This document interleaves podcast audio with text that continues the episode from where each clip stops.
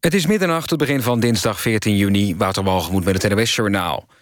In een dorp in de buurt van Parijs is een politiecommandant doodgestoken door zijn buurman. Volgens Franse media heeft de dader het 42-jarige slachtoffer negen keer gestoken... en houdt hij de rest van het gezin sindsdien in hun eigen huis in gijzeling. Speciale politieeenheden zijn met de man aan het onderhandelen. De toedracht van de moord en de gijzeling en het motief van de dader zijn nog onduidelijk. De republikeinse presidentskandidaat Trump wil dat de VS geen immigranten meer toelaat... uit landen die een geschiedenis van terreur hebben. De dader van het bloedbad in Orlando had Afghaanse ouders. Volgens Trump komen er duizenden en duizenden mensen de VS binnen... met anti-Amerikaanse meningen. De democratische presidentskandidaat Clinton zegt dat ze meer aandacht wil... voor het opsporen van eenlingen die op eigen houtje een aanslag plegen. Ook roept ze landen in het Midden-Oosten op... meer te doen tegen de financiering van terrorisme. Bij homomonumenten in Amsterdam en Den Haag... zijn afgelopen avond de 49 slachtoffers van het bloedbad in Orlando herdacht. In Amsterdam kwamen een paar honderd mensen bijeen... die kaarsen aanstaken en bloemen hebben neergelegd. Het paleis op de Dam was uitgelicht in regenboogkleuren. In Den Haag hielden tientallen mensen twee minuten stilte... bij het homomonument op het Malieveld. Vandaag wordt in Rotterdam een stille tocht gehouden... voor de slachtoffers van Orlando. In Loppersum in Groningen moeten tien bewoners van seniorenwoningen... de nacht elders doorbrengen door wateroverlast na heel veel regen. Ook op andere plaatsen in het noord- en zuidoosten van Nederland... zijn er weer overstromingen geweest door de regen. Zoveel in Eindhoven bijna 30 mm. De helft van wat er normaal valt in een maand. Het weer voor de komende uren. Vannacht valt er nog een enkele bui, maar verder is het grotendeels droog. De temperatuur daalt tot een graad of 12. Overdag opnieuw wisselvallig met buien. En vooral in het noorden kan het smiddags ook gaan omweren. Het is overdag 19 graden. Dit was het NMS Journaal. NPO Radio 1. VPRO. Nooit meer slapen.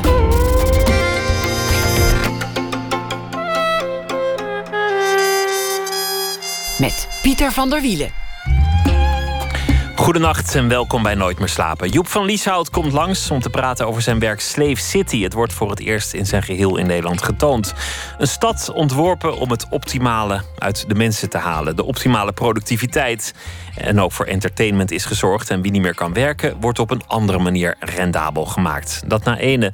Dan ook een gesprek met Rico en Stix van het herenigde rapduo Opgezwollen. Ze zijn terug, al waren ze nooit weg. Maar we beginnen met Erik van Muiswinkel. Zijn solovoorstelling De Olieworstelaar zal hernomen worden komend seizoen. Hij zal de theaters er meer mee, weer mee afreizen. En verder zal hij samen met Justus van Oel een uh, voorstelling spelen. Erik en Justus vertellen een film. In beide voorstellingen probeert Van Muiswinkel niet alleen de wereld van 2016 te begrijpen, maar ook zichzelf. Waar staat hij nu? En die twijfel klinkt ook door in de voorstelling samen met Van Oel. Samen begonnen ze in 1985 als deel van de formatie Zak en As. En nu stellen ze elkaar de vragen: wat is grappig, wat niet? Wat doet het er eigenlijk allemaal nog toe? En wat is onze vriendschap waard? Erik van Muiswinkel, geboren in 1961, begon in 1985 in de theaters, dus met Zak en As. Daarna werkte hij met anderen samen, onder meer Diederik van Vleuten. Werd bekend als onderdeel van het immens populaire consumentenprogramma Ook Dat Nog. Deed imitaties in Kopspijkers en andere programma's. Maakte sinds 2011 solovoorstellingen, won de Polifinario, de prestigieuze theaterprijs voor zijn show Schettino. Oh ja, en hij was natuurlijk 18 jaar de hoofdpiet op televisie, zijn favoriete rol bij het Sinterklaasjournaal en bij de intocht van Sinterklaas. Maar onlangs gaf hij daar de brui aan. Welkom, Erik van Muiswinkel. Ha. Zullen we voor, voor over, over dat, uh, dat Zwarte Piet gedoe beginnen... even luisteren naar een compilatie van alle leuke dingen... die je hebt gedaan door de jaren heen. Gewoon om even in de sfeer te komen. Graag. In mijn huidige functie mag ik natuurlijk van niemand geschenken aannemen. Oh. Dus ik moet alles wat ik in mijn schoentje vind... Ja. dat stuur ik stelselmatig eh, weer terug. Naar de gevers. Zodat niemand kan twijfelen aan mijn integriteit. Ja, ja, ja. Landgenoten. Door de voortdurende tegenwerking die de CD ondervindt... krijg ik pas nu op 31 december de kans om mijn kersttoespraak te houden. Maar zwart. We hebben een S, we hebben een P, we hebben een Q, we hebben een R. Wij zijn uh, Romeinen. Ik ben opgevoed met Jezus van Nazareth. En dat was een heel pretentieuze jongen. Die jongen beweerde de zoon van God te zijn. Mohammed niet. Die zei dat soort dingen niet. Mohammed was gewoon een marktkoopman met een goede stem. Zeg maar een soort Gordon, een woestijn Gordon... die wel internationaal is doorgebroken. Misschien toch wel beter. Een gevaarlijke, onberekenbare, rancuneuze verzetsheld... dan een hele keurige, betrouwbare NSB'er... waar je altijd van op aan kan.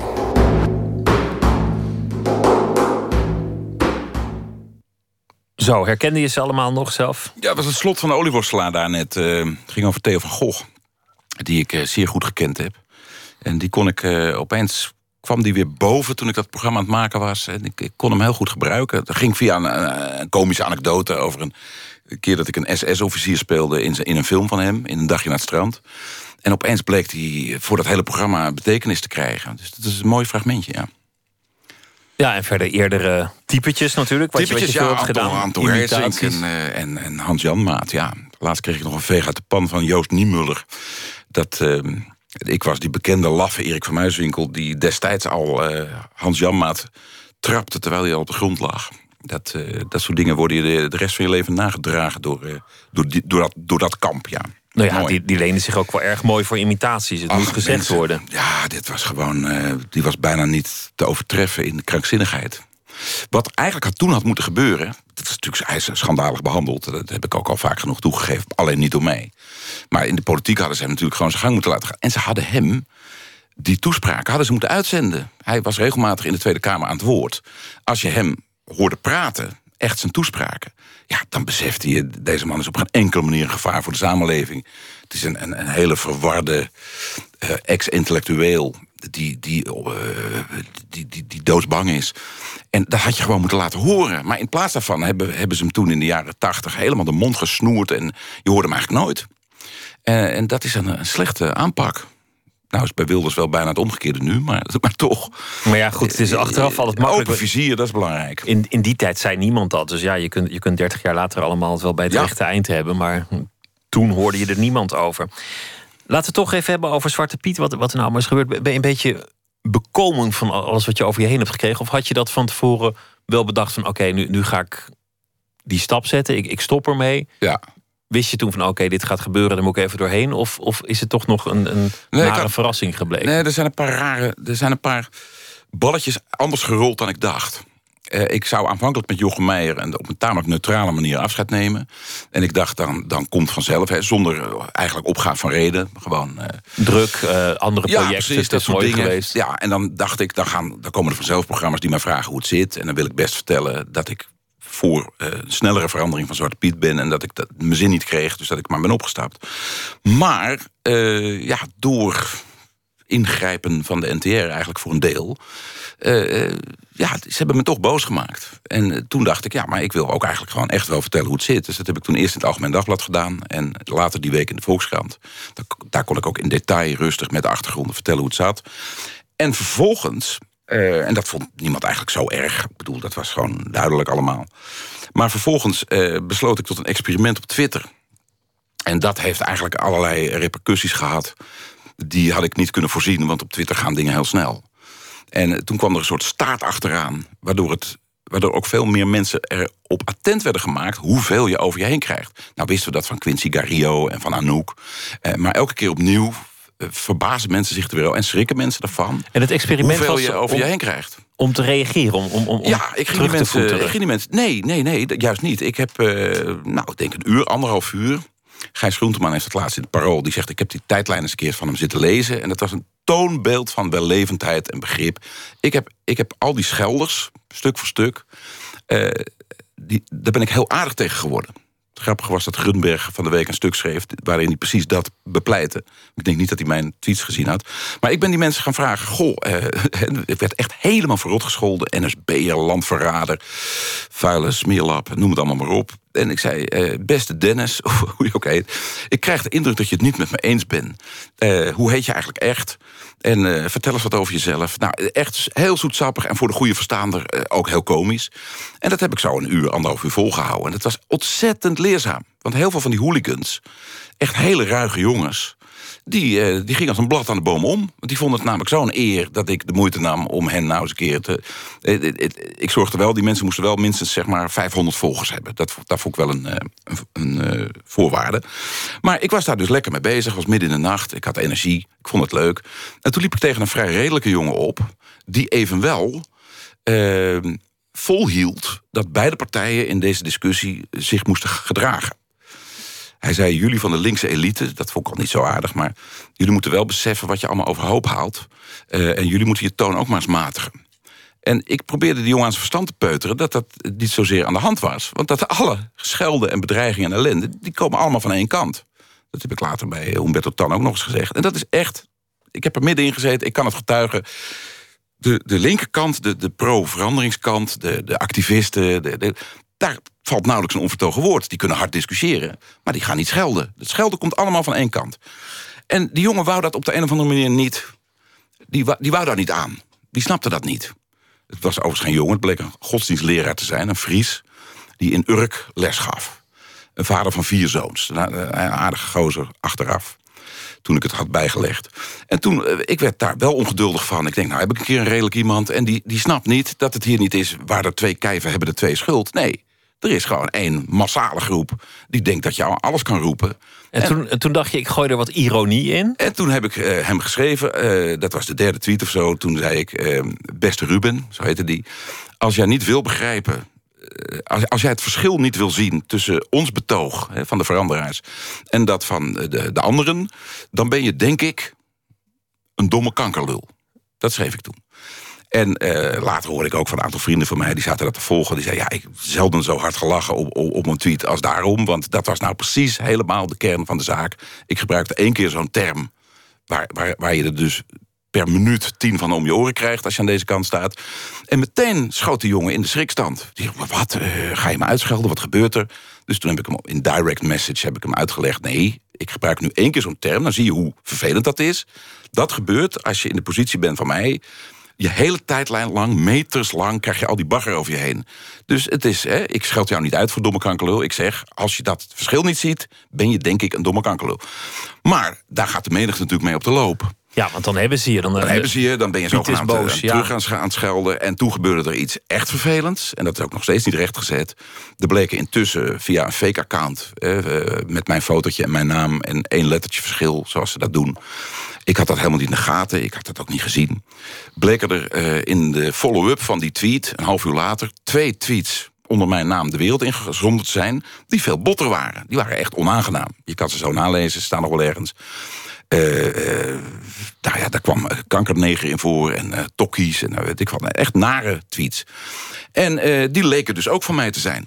Ik had dat helemaal niet in de gaten, die hele nacht niet, de volgende dag niet. En toen heeft de Telegraaf, eh, de, de webredactie van de Telegraaf... die hebben die drie tweetjes bij elkaar gezet in een schermafbeelding... en in één keer op hun site gezet met als kop erboven... hoofdpiet van Muiswinkel nu definitief de weg kwijt. Ja, en dan hang je. Want ga dat, dat heb ik toen geprobeerd uit te leggen bij Humberto Tan. Ja, dat geloven mensen dan niet. Dat woord kankerlul blijft hangen en dat blijft aan jou kleven. En Gerard Joling gaat erover tweeten. En voor je het weet... Terwijl, ze hebben me gewoon erin genaaid. Ja, en ja, ik, en ik heb geprobeerd via een mailverkeer om, om, om ze dat recht te laten zetten. Maar dat doen ze gewoon niet. Dus nou ja, dan vooruit. niet. Het is gebeurd. Ja. En eh, ja, heel, heel, eh, heel classy is het allemaal ook weer niet. Als, je het, als, als ik het zo hoor, moet ik zeggen, altijd gescheld. Ik hou er nooit zo van. van dat, maar zo'n tweetje Nee, maar is ook is snel dat- dat- gestuurd natuurlijk. Dat, Je- dat schelden is dat, dat- Eigenlijk was die, de kern van mijn grap ging over dat schelden. Dat het is dus niet een discussie tussen twee gelijkwaardige partijen. Er wordt van één kant ongelooflijk gescholden. En ik wou met dat tweetje aantonen hoe vervelend dat is. Nee, ik snap, ik snap Eh, hem. dus- dus- hoewel, dus- als je een grap moet uitleggen, is, er vaak toch, is die vaak Nou, niet... dat, is ook, dat kreeg ik ook van een columnist in Trouw voor me. Als je grap moet uitleggen. Zo, ik was helemaal niet van plan om die grap uit te leggen. Want ik snap, ik snap heus wel dat 90% van de mensen op Twitter... die grap niet wil begrijpen of niet kan begrijpen. Dat interesseert me niks. Het, het blijft Twitter. Maar als de Telegraaf, wat een serieus medium is... met journalisten die ervoor betaald worden... mij niet eerst bellen om te vragen... joh, wat heb je bedoeld? Dat deed namelijk de volgende ochtend, zondagochtend... de redactie van RTL Boulevard... van wie ik ook geen hoge pet op heb, maar intussen... die belde mij op. Die zeggen, joh, wat was dat? En dat heb ik toen uitgelegd. Maar de Telegraaf heeft zonder mij te bellen... die twee fake tweets waar ik niks aan kan doen. Laten we wel zijn. Dat is gewoon... Hè? Stel je voor, er verschijnt een stuk in de krant onder jouw naam... en dat heb jij niet geschreven. Dat is toch, dan wil je dat toch rechtgezet zien. Dus er is gewoon door, door de reguliere media een, uh, ja, een uitgehaald. Kijk, die qua jongens die, die, die dit fake-account maken... die neem ik ook niks kwalijk. Ik bedoel, laat die, uh, dat, zijn, dat was een, een gelukte grap... want ze hebben mij er behoorlijk mee in de, in de problemen gekregen. Maar... Uh, ja, dat, dat de Telegraaf dat over... doet, dat maakt, het, dat maakt het echt vervelend. En La, da, het, daardoor leek het alsof die hele toestand uh, voor mij ook heel vervelend was. Maar het is eigenlijk niet zo, want het, het ging natuurlijk om hele andere dingen. Het ging om, om ja, laten, we, laten we daar eens over hebben. Want, want dit is, nou ja, vooruit dit de nasleep. Een fallout, fallout nasleepje, ja. Vervelend en, en lastig en, en uh, ook onhandig. Maar ik ben het alweer vergeten. Je hebt, je hebt een soort ommezwaai doorgemaakt in de ontwikkeling ten aanzien van het denken van Zwarte Piet. Ja. Een aantal jaar geleden stond je nog op het standpunt van... nou ja, het is een feest en dat kan je niet zomaar veranderen. Nee, en en nou... leek je eigenlijk toch wel een beetje een verdediger... van de traditionele Zwarte Piet. Althans, als ik artikelen teruglees... dan sta je in die zin toch wel geciteerd. Dat is vreemd, want dat is niet, ergens, is niet waar. Ergens is er een moment geweest dat, dat jij hebt gedacht... Je, je noemde jezelf net ook kwaad, dat je dacht... mooi geweest, ik, ik, ik wil hier niks meer mee te maken Ja, hebben. ja. Wat, wat was dat moment? Uh, nou, dat, dat moment viel nu uh, in maart. Eind maart, begin april. Nee, later nog. In de loop van april. Eigenlijk vrij kort voor ik het bekend maakte. En dat had puur te maken met de manier waarop uh, ja, mijn eigen bazen, de NTR, met mij communiceerden. Daar ging het eigenlijk gewoon op. Dat was, dat was de druppel. Maar ik maakte uit die manier van communiceren, namelijk eigenlijk gewoon niet reageren op mijn voorstellen en gewoon niet luisteren, niet, niet, niet geïnteresseerd in wat de acteurs dachten. Want ik was de enige niet natuurlijk. En ik maakte daaruit op dat ze toch wel hun eigen plan gingen trekken. En ik had inmiddels wel een beetje begrepen, ook uit het interview met Aje Boshuizen van, van vorig jaar in het Algemeen Dagblad, dat ja, zij daar toch wat conservatiever over dachten dan ik. En ik dacht, als ze, als ze dat vinden, maar dat niet openlijk tegen ons zeggen. En dat toch weer met vertragingstactieken en over de zomer heen tillen en zo. En we krijgen weer zo'n script. Toen dacht ik, ja, nou is, nou is de maat vol. Want, laten we wel zijn, we waren daar al drie jaar over bezig. En ik heb in het verleden, uh, nou misschien in het licht van hoe de discussie er nu uitziet, maar ik heb mij helemaal niet als verdediger van Zwarte Piet opgeworpen. Ik heb in 2013, dat was acht maanden voordat Quincy Cario bij Jeroen Pauw losbarstte. En dat was echt dus de start van de Zwarte Pieten discussie. In het openbaar. Want het speelt natuurlijk al tientallen jaren. En ik heb acht maanden daarvoor een stuk geschreven... wat iedereen had kunnen lezen. Dat is in miljoenvoud verspreid door de bibliotheken. Dat boekje heet Gouden Tijden, Zwarte Bladzijden. En daar schreven tien bekende Nederlanders een stukje in... over hun persoonlijke relatie met het koloniale verleden van Nederland. Mijn stukje heette Piet. En dat stukje was een hele duidelijke voorzet... een waarschuwing waarin ik zei... jongens, dit gaat niet meer. Wij zullen, hè, daar, daar komt die zinsnede uit... we moeten Piet minder zwart en minder knecht maken. En dat heb ik helemaal ingekleed in, het, in, in de traditie van Sinterklaas. Ik heb het gelezen. Dat het stuk. stukje, ja. Ja. En dat, dat stukje is be- bepaald geen verdediging van Zwarte Piet. Uh, dat stukje is een verdediging van de figuur Piet... als Sancho Panza bij Don Quixote. Dus die figuur moet blijven. Alleen dat het uiterlijk van die figuur moest veranderen... dat was mij volkomen duidelijk. Wat, wat er gebeurde was dat het Sinterklaasjournaal op een speelse manier ermee aan de haal ging. Ja. Niet kant kiezen in het debat, maar dan, dan, nou ja, dan waren het regenboogpieten, dan waren er roetpieten. Er werd mee gespeeld. Iedereen werd permanent op het verkeerde been gezet. En dat met veel humor en vooral gericht op de uiteindelijke doelgroep kinderen. Ja. De acteurs beweren dat de NTR op een zeker ogenblik vanuit het management vol op de rem is gaan staan en heeft gezegd: keine experimenten, alles moet bij het oude blijven. De NTR ontkent dat nu later in een, in een ingezonden brief. Die zeggen: wij stonden open voor verandering, maar we wilden niet voor de troepen uitlopen. Ja, ja. Nou, dat we wilden dat, dat, dat rustig aandoen. Is, is er voordat je de stap zette een, een goed gesprek geweest met, met die hoofdredactie? Hebben jullie om de tafel gezeten en het, en het hierover gehad? Nee. Op geen enkel moment. Jawel, nou ja, kijk, het is maar hoe je dat interpreteert. We hebben met 25 man om de tafel gezeten in februari. En toen was het algehele gevoelen. Uh, waarom? We hebben, we hebben tot en met de opname aan toe niet goed begrepen waarom er op de rem is getrapt in 2015. Want we waren allemaal zo blij met die Gouden Stuiver en de Nipkoff en weet ik veel wat... voor die leuke serie met Peter Faber en met opa Piet. En wij hebben nooit begrepen omdat ook dat script in 2015 heel laat kwam. De, schrijvers hadden grote. Nou, het is altijd tijdnood en deadlines. Je maakt in twee weken tijd drie speelfilms in lengte. Het is echt heel hard werken. En eh, toen, toen stonden we op die set. En we hebben nooit begrepen waarom er op de, op de rem is getrapt. Nou, dat hebben ze wel uitgelegd. Daar, daar is vanuit de redactie eh, wel verteld. AJ was toen ziek helaas, dus die kon dat zelf niet verdedigen. Maar, maar zijn eh, adjudanten hebben dat eh, netjes gedaan. Alleen, daar waren wij niet zo tevreden mee met die uitleg. Namelijk, ze wilden niet nog meer olie op, de, op het vuur gooien. En ze wilden het eigenlijk weer terug naar de kinderen, terug naar de basis. Eh, en het weer, het weer gezellig maken. En intussen liepen er wel roetveegpieten rond. In de praktijk, op zulk detailniveau moet je nou gaan denken... er liepen in beeld in de praktijk onder de druk van het opname liepen er veel minder roetvegen en witte pieten in beeld dan ze eigenlijk van plan waren. Dus het zag er gewoon voor de, voor de activisten, zeg maar, zag het er heel erg zwart uit. En er zat er ook in het verhaal niks meer van schmink of verandering of schoorsteen of wat dan ook. Nou, niet of nauwelijks. Dus voor ons gevoel was er op de rem getrapt en eh, de uitleg daarvan beviel ons niet zo. Dus toen we allemaal om de tafel zaten in februari, toen werd dat netjes uitgesproken. En het gezelschap kent twee of drie echte ouderwetse verdedigers van, eh, van de 19e eeuwse Zwarte Piet. Zeggen dat is een symbool, het is een karikatuur. Dat, eh, je moet de racismestrijd natuurlijk voeren, maar niet op dit figuurtje. Laat, laat ons met rust. En, eh, en, en er waren een stuk of twintig die dat niet vonden. En die zeiden nee, we moeten ons aanpassen, want het buitenland kijkt mee. We hebben in Nederland ook mensen die dat pijn doet, die daar last van hebben. En ja, je zit met te veel mensen om de tafel. Er wordt gezegd, oké, eh, we kijken ernaar. U hoort van ons. Bel ons niet, wij bellen u. En vervolgens hoorden we niks. Nou, zo eh, is dat gegaan. Dus ik vind, dat vond ik niet echt wat je noemt een goed gesprek. En ik voelde mij zelf daarin als senior Piet. Ik, heb, ik, eh, het is komisch, want ik was dan de hoofdpiet. Maar ik heb het ook 18 jaar lang gedaan. Ik ben helemaal uit het tijdperk van Bram van de Vlucht.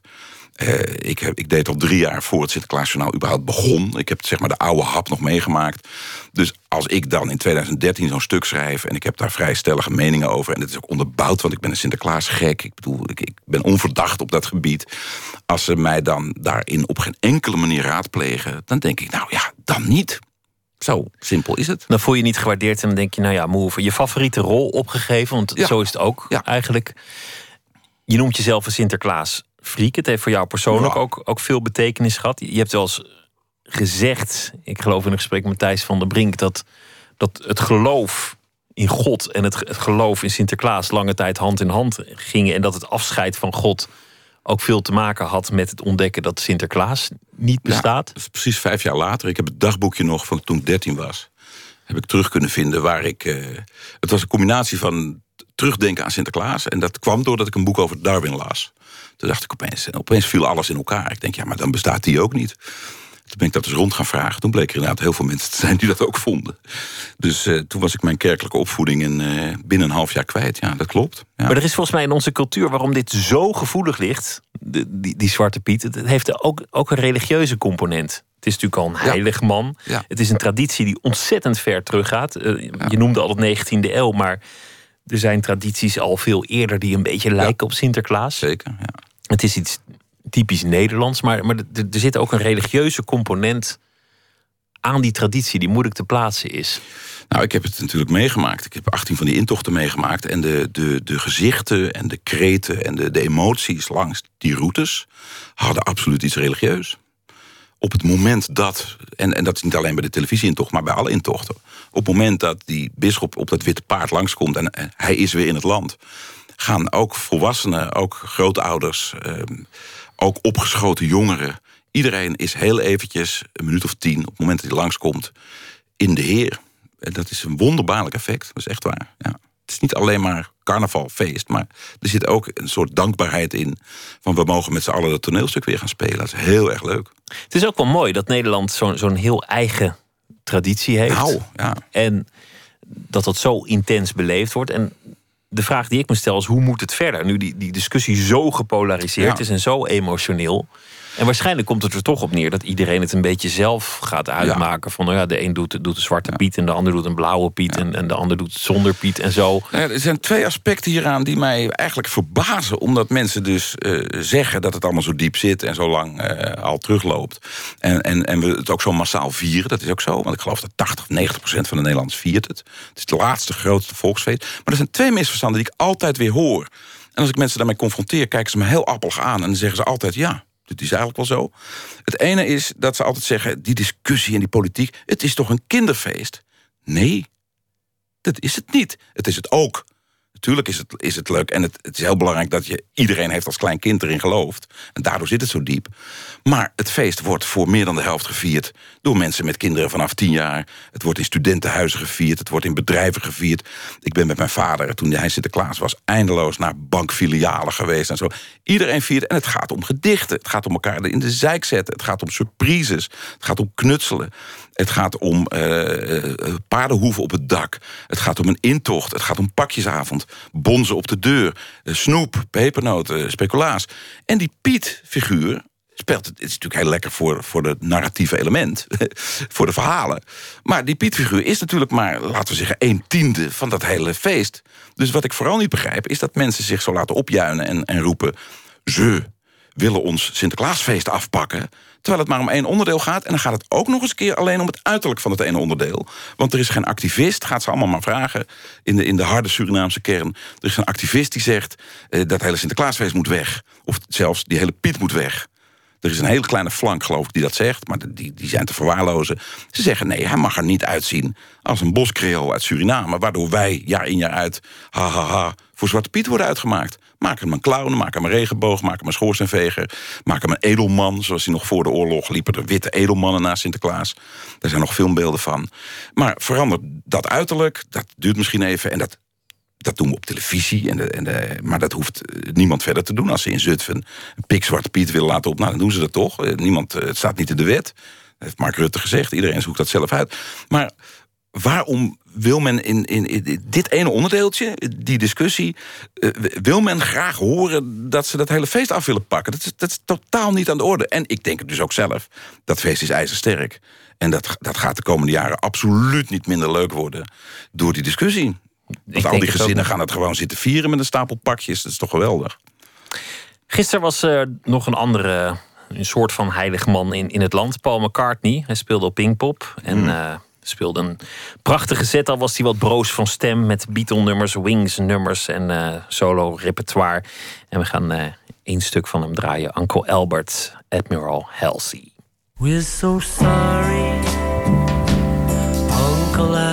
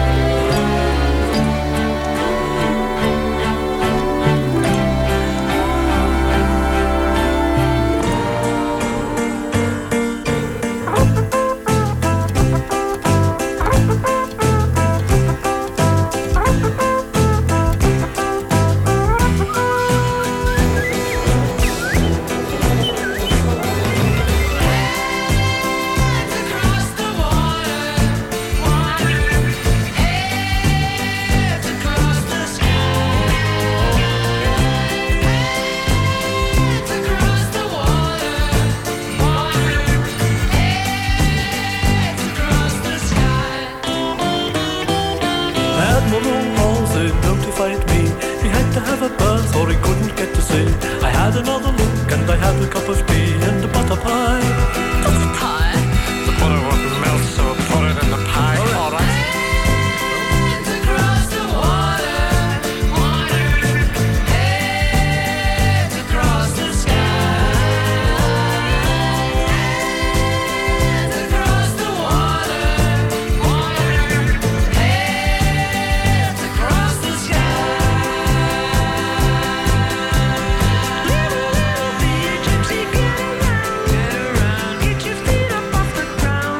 McCartney met eh, iets meer stem dan die gisteren had. Maar het was eh, prachtig om te zien, moet ik zeggen. Ik heb het eh, van begin tot eind gezien in de, in de regen. Je was erbij, ja. Ja. ik was erbij. En ik, ik heb ook, mocht ook even achter de schermen rondlopen. En dan zag ik daar de hofhouding van, van Paul McCartney. Die toch nou ja, zoiets als die van Julius Caesar in der tijd moet zijn geweest. Ongelooflijk, ja. Onvoorstelbaar veel Maar je hebt mensen. niet de hand geschud. Nee. Dat zat er niet in. kwam niet eens binnen, binnen een straal van een kilometer van de man. Jezus, ja. Ja, voor je het weet besmet je met nog een griepje. Erik van Muiswinkel, we hebben het gehad over, over, over Zwarte Piet. En, en laten we de naam erover ophouden, want het is, het is Piet, nog, ja, nog we noemen hem zomer. Piet. Want de, de Piet. Zwarte Piet is, Oh ja. het komt uit de Ja, liedjes. zie je, daar ga je al. Nou, het is ook al eh, wel aardig. Dan maakt mensen daar wel eens een patent. Dat hebben ze nooit doorgehad. Maar wij hebben in het, in het hele Sinterklaasjournaal... dat bestaat nu geloof ik 15 jaar of zo... nooit de term Zwarte Piet gebruikt. Er was zelden altijd een specifiekere aanduiding. Hoofdpiet, Pietje Paniek. Pietje Paniek. eh, Huispiet, Wellespiet, Huispiet, niet Wellespiet, Piet. niet is Piet. Maar. Paardenpiet. Eh, dus we hebben nooit... eh, Zwarte Piet komt alleen in de liedjes voor. En het woord knecht ook en zo. Ja, die liedjes zijn natuurlijk versteend. Dat is leuk, die moeten blijven. Maar eh, ja. Nou goed, de nu even niet Piet. Nee, nu, Ehm, nu even het zomer. Sportzo Sportzomer. Heerlijk dat het even geen sportzomer is trouwens. Ja, lekker Dat ook. is pas ja. na twaalf. Ja, maar straks, eh, straks barst het los met de Olympische Spelen.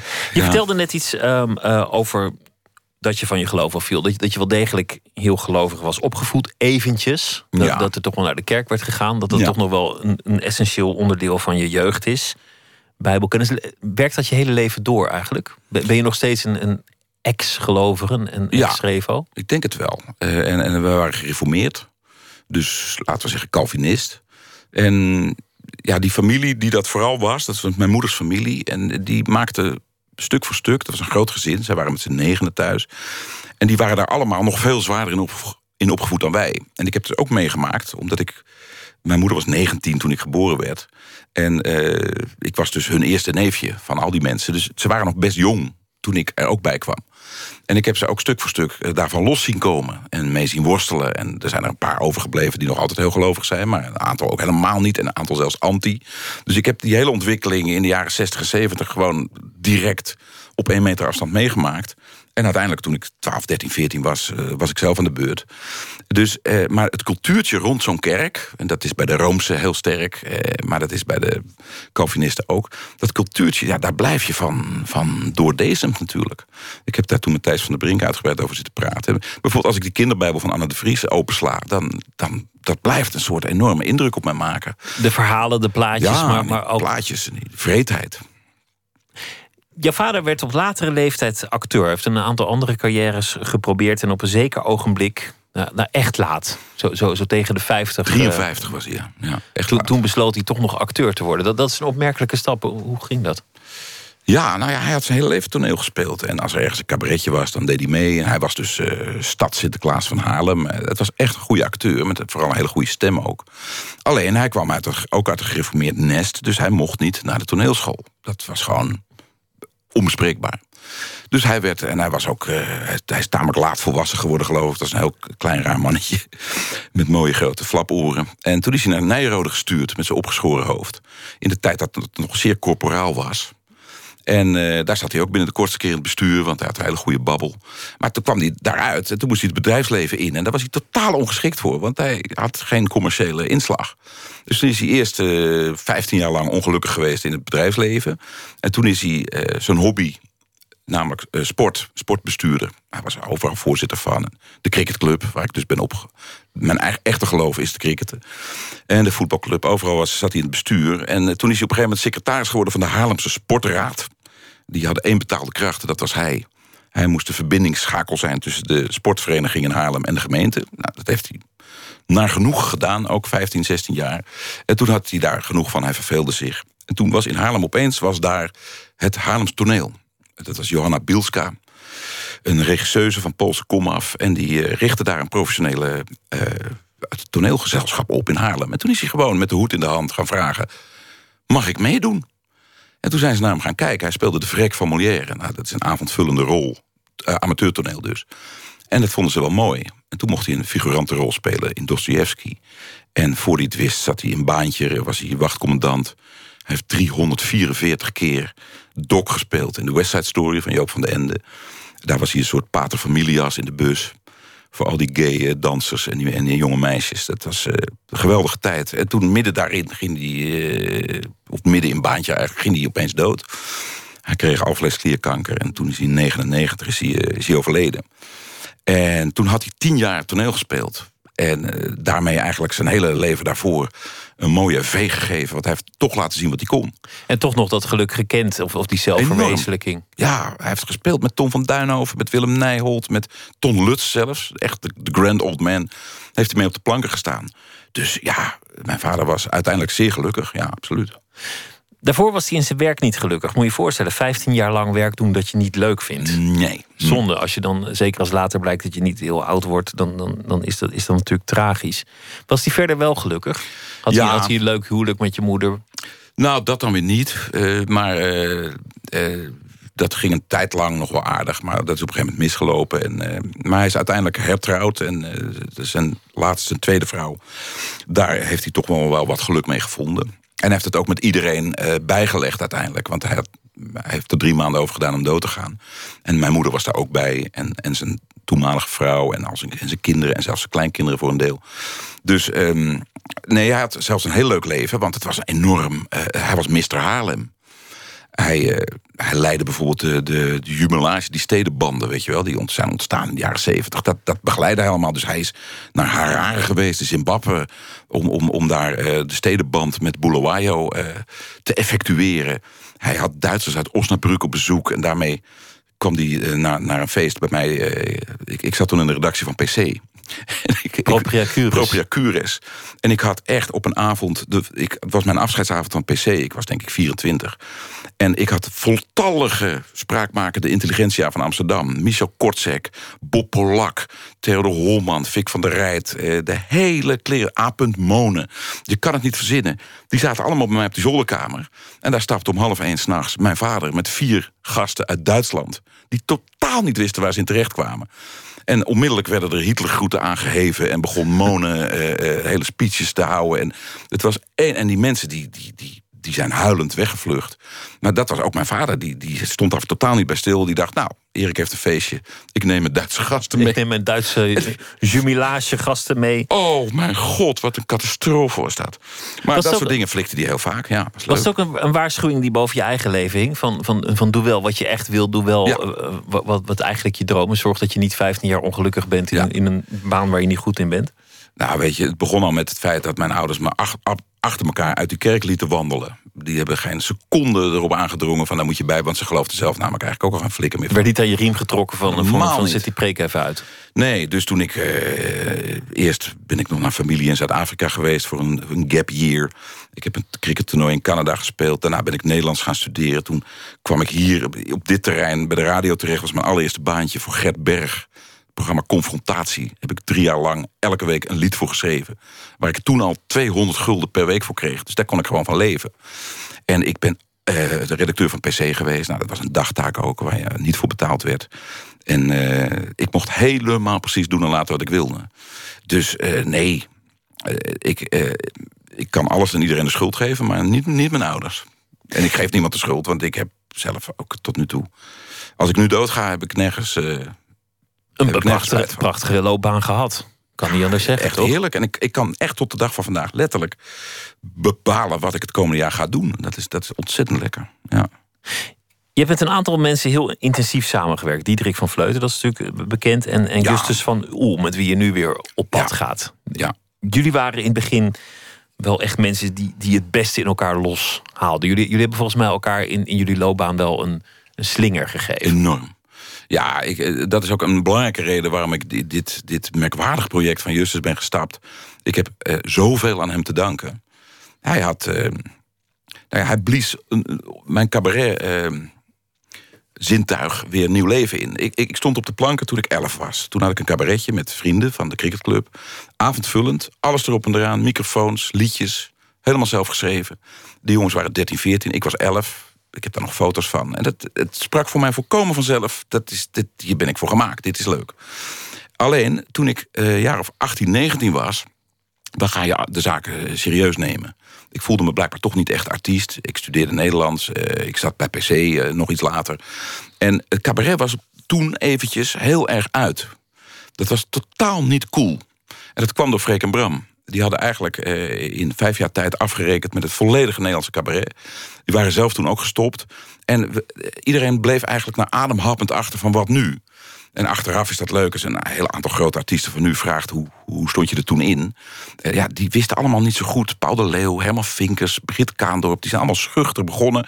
omdat die schaduw van Freek en Bram over ons heen hing. Mocht je wel niet geëngageerd zijn, bijvoorbeeld. Nou, Herman Vinkers en Brit besloten... dat mag best, wij doen gewoon waar we goed in zijn. En die zijn uitgegroeid tot wereldsterren in, in vijf, zes jaar tijd. En, eh, en, en Justus, die interesseerde dat geen ene hol die kende dat hele Nederlands hoop nauwelijks. Dat, hij vond Freek maar een pretentieuze uh, schreeuwlelijk. Dat vond hij eigenlijk niks.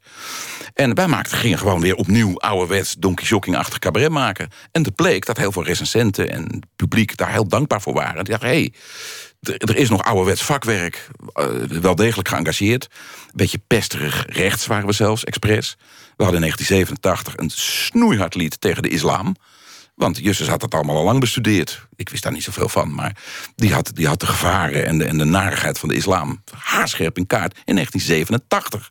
Ver voor wie dan ook, van Pim Fortuyn of Geert Wilders of wie dan ook had gehoord. En, en daar hadden wij toen een lied over. En daar schreef niemand over, niemand schrok daarvan. De enige die dat prachtig vond was Theo van Gogh. Die zat in de zaal, die lachte zich helemaal gek. En wij hadden voor hem hadden we ons examen gehaald... door het Allah-lied, zoals we dat noemden. Allah houdt van godsdienstvrijheid, dat wil zeggen die, die van ons. Maar wie Allahs wet bestrijdt, verdwijnt in Allahs veewagons. Nou, veel duidelijker kon je het niet zeggen. En, en eh, wij gingen dat cabaretje doen en na zes jaar wou Justus daarmee stoppen. Want die wou toneelschrijver worden. Die, vond het cabaret te makkelijk. Hij zei, ja, eh, dat weten we nou wel. En uh, toen bleef ik weer verweest achter. Toen heb ik mijn eigen programma's gemaakt. Een aantal jaar later met Diederik.